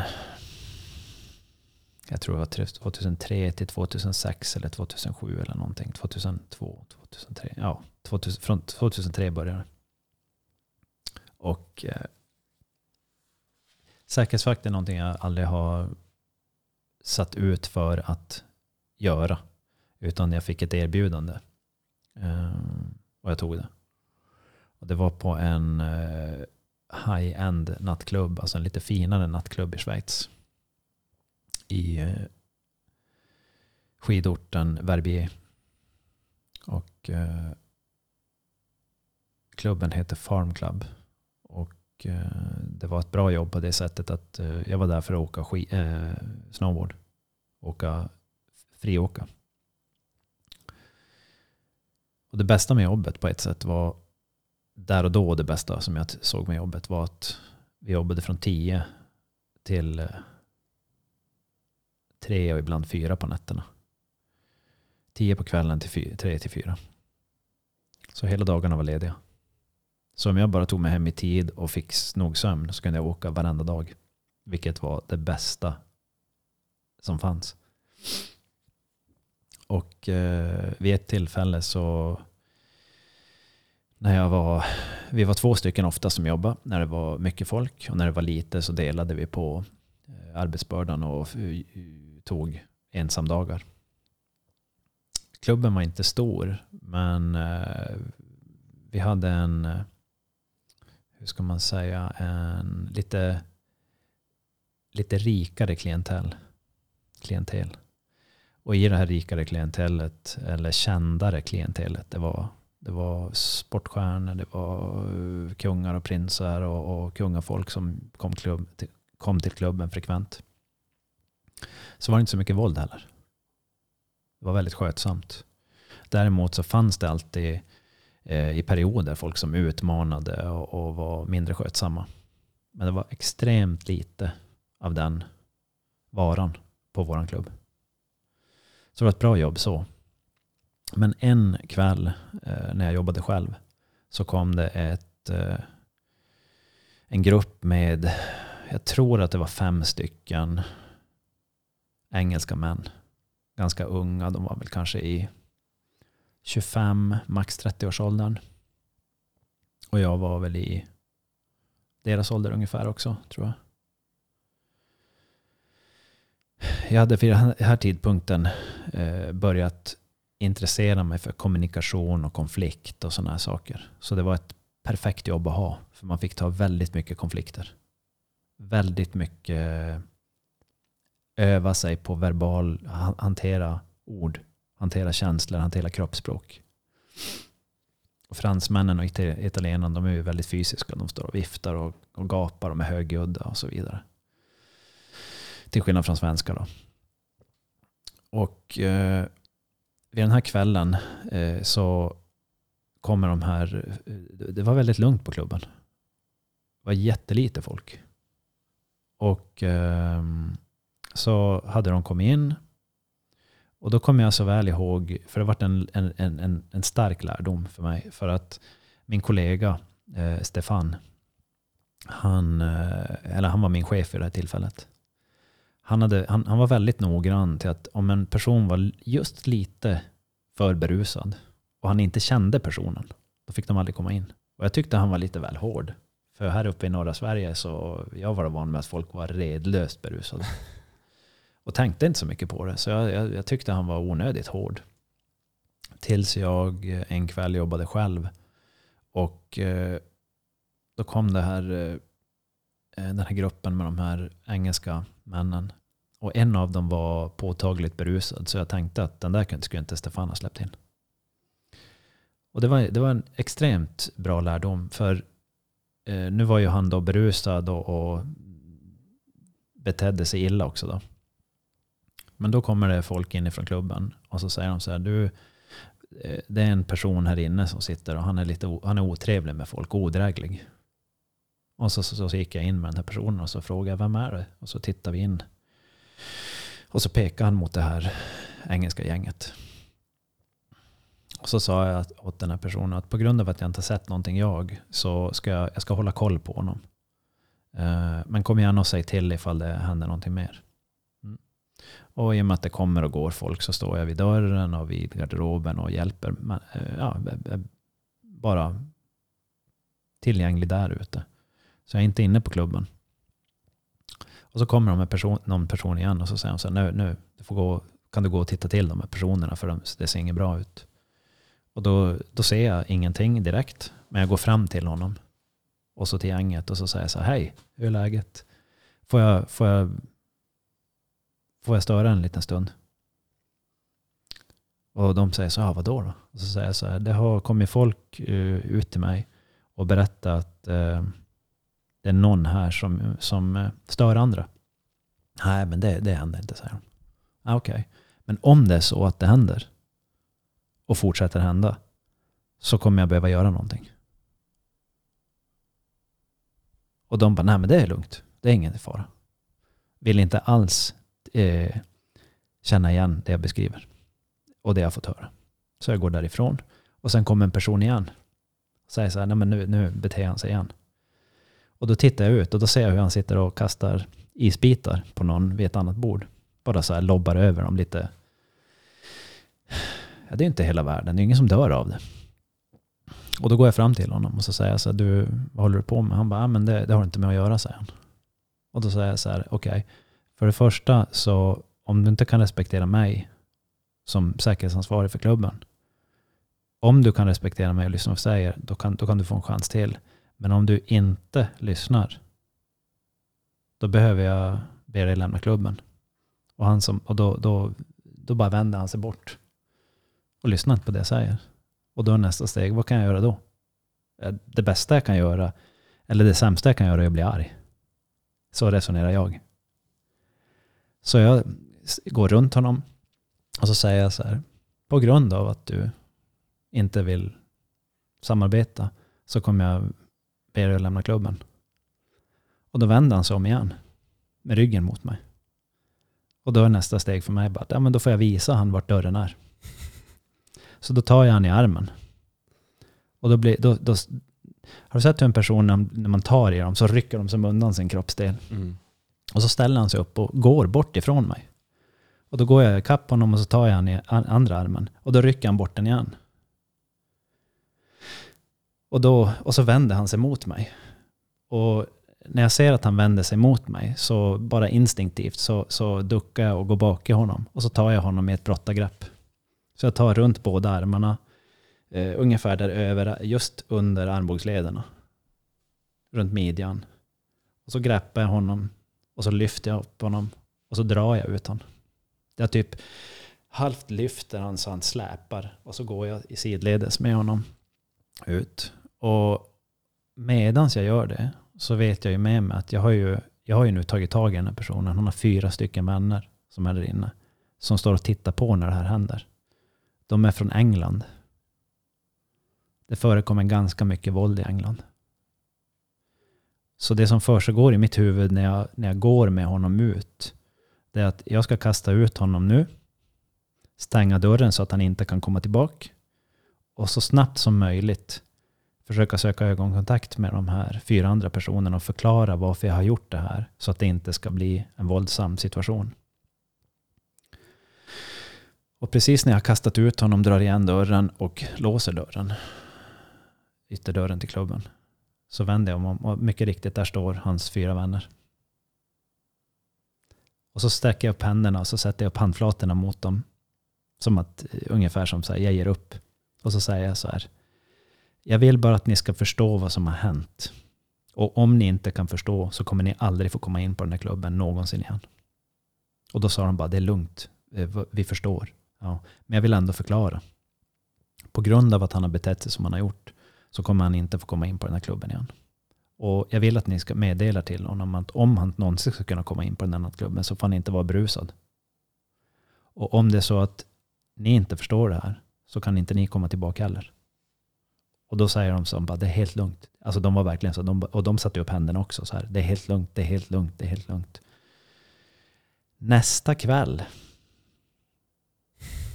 så kommer de tillbaka till klubben. Och det första de gör är att säga så här, tjena, vi har lämnat vår kompis hemma, han fick inte följa med. Och jag bara, tack så jättemycket för att ni förstod. Och de bara, nej men tack för att du skyttade så snyggt. Och just efter den här händelsen så kom jättemycket folk som hade varit inne på klubben. De kom ut när de gick från klubben. Och så skakade de hand med mig. Och så sa de så att det där var det snyggaste jag någonsin har sett någon göra. Alltså lösa en sån där situation utan våld, det har vi aldrig sett. Utan det har alltid blivit slagsmål.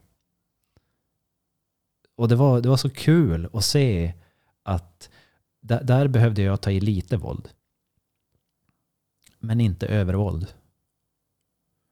Så det var en, en, en sak som har satt sig i mitt minne på ett väldigt positivt sätt. Men det krävdes att jag, jag utmanade mig extremt mycket. Eh, det var läskigt faktiskt. Men det var så skönt att få, det var, det, var, det var väldigt fint att få gehör från folk som var inne från klubben som kommer ut och berättar vad de har sett. Och säger att det där var imponerande gjort. Det där var riktigt imponerande gjort. Och då är det som sagt, tack, tack, tack så jättemycket. Hoppas ni haft en trevlig kväll. De bara, ja men det där var en stor grej. Det var wow. Då bara, okej, okay, tack.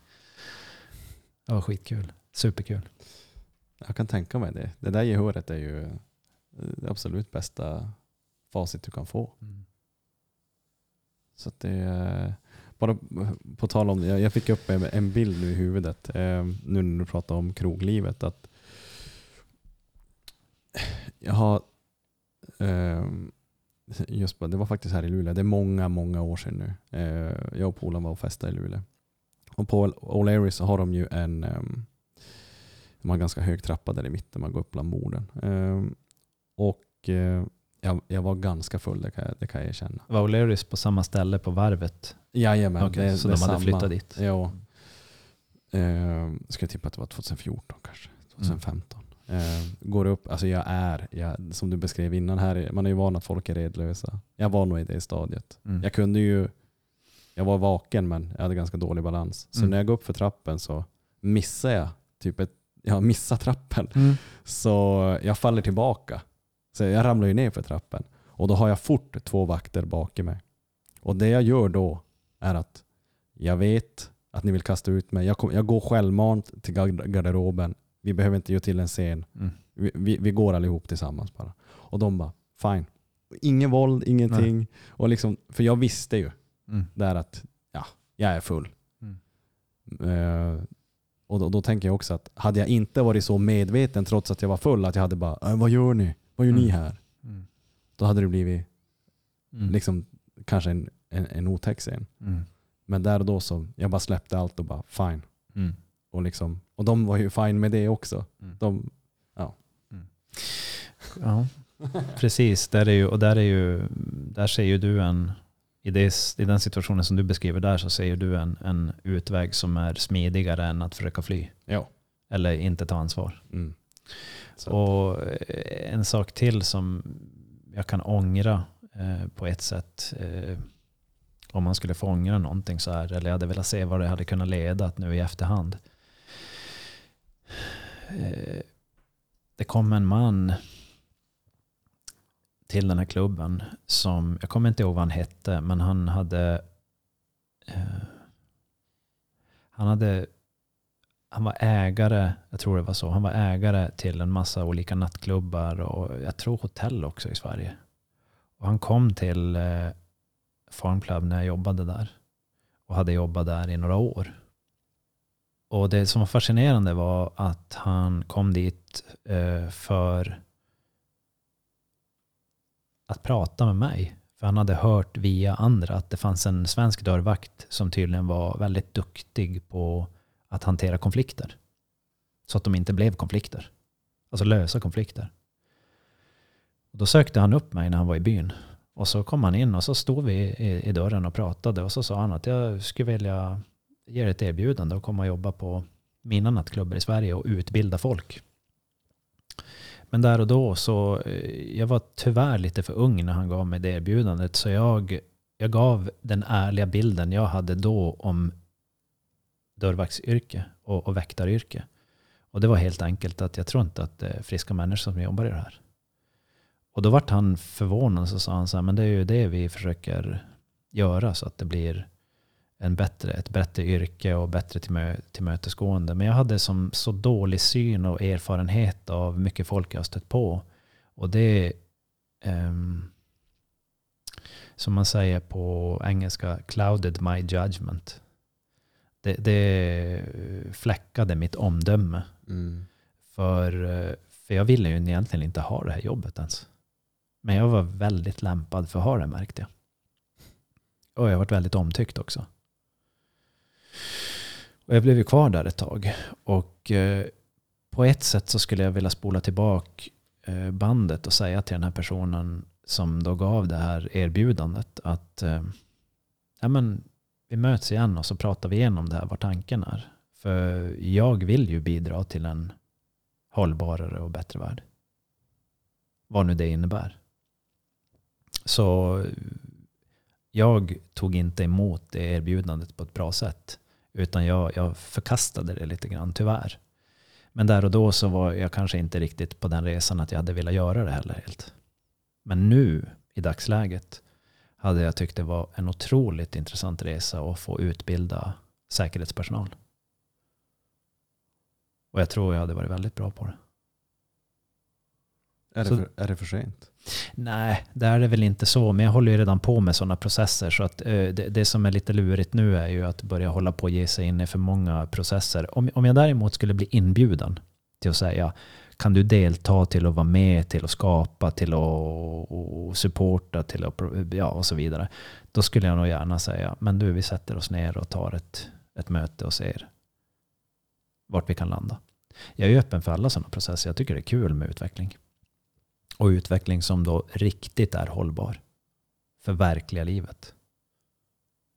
Det tycker jag är superkul. Och jag vet att jag är bra på det. Så det är osvenskt. Jag vet att jag är bra på det. Jag gillar det. Jag Ja. gillar när man är lite osvensk. Ja, och jag menar inte att jag är bäst. Jag menar bara att jag är bra. Och jag vet att det finns många andra som är jättebra. Och jag vet att det finns många som är bra som skulle behöva få känna att de är bra på det. Mm. Och jag vet att det också skulle vara bra om vi kunde säga till varandra att det där var riktigt bra gjort. Jag tror att det är många som faktiskt går, går där ute och inte får höra hur duktiga de faktiskt är. Mm. Tror jag. Det är jag rätt säker på. Och det är lite synd. Mm. Men, Men det är väl det som, som eh, den här plattformen också ska kunna tillhandahålla. Att det finns mycket människor som i sin värld eh, då och då eller hela tiden gör ganska stora dåd men aldrig får gehör för det eller förstå hur stort det är det de gör. mm. Jag tycker det vi gör här är ganska stort. Mm. Jag, jag, jag, jag sätter då, som man säger i Norge, stort pris. Sätter pris säger man i Norge. Jag, tycker det är ett fränt uttryck. Jag sätter pris på det här. Betyder att jag värderar det högt. Jag tycker det är bra det vi gör här. Mm. Jag håller med. Och jag hoppas att andra eh, där ute eh, kan sätta pris på det eller kan känna att de kan sätta pris på det. Kör vi något mer idag eller känner du dig färdig? Hur känns det? Nej, jag tror jag är ganska färdig. Ja. Hur vad känner du? Nej, svinbra avsnitt. Tycker du det? Ja, fy fan. vad- jag Alltså, det, det är intressant. Okej. Ja. Och just de här exemplen jag tog, till exempel när vi pratar spite och jag tar lite mer så här otrohet och Ja. sånt. Det är för att jag försöker även få lyssnarna att förstå de mest liksom, absurda ja, men exemplen. jag, jag, tycker, jag tycker dina frågor är... Jag tycker dina frågor är... eh, det- Du frågar ju utifrån en... eh, alltså du gör, du gör ju samtalet större genom att ställa frågorna på det sättet. Mm. Jag tror man når en större... Eh, jag tror det är många som, som funderar frågor utifrån många olika eh, vinklar. Precis. Och det, är- det, jag tycker det, bara, det blir bara bättre. Mm. Så Det, att, eh, det ska du bara... vi kör på. vi kör på. Ja, ja, nej men det är toppen. Det, Hörru du, eh, vi drar väl och lunchar va? Ja. Eh, till er där ute, på återseende. på återseende. Hej då. Hej då. Om ni där ute skulle ha några funderingar eller tankar eller frågor till mig eller Tobias så kan ni dels nå mig på mina sociala medier antingen på Facebook Pontus Josefsson eller på Instagram Josefsson P. Det går även bra att söka på Pontus Josefsson där så kommer jag upp och skriva ett DM eller personligt meddelande åt mig. Och eh, dig Tobias, hur når vi dig? Eh, mig kan man gå in på hems, min hemsida. Eh, Råkraft och hälsa, Proholistic AB. Och webbadressen är raakraft.nu. Och där kan man hitta mina kontaktuppgifter, mail. Eh, man kan skicka in förfrågan. Telefonnummer, ringa, smsa.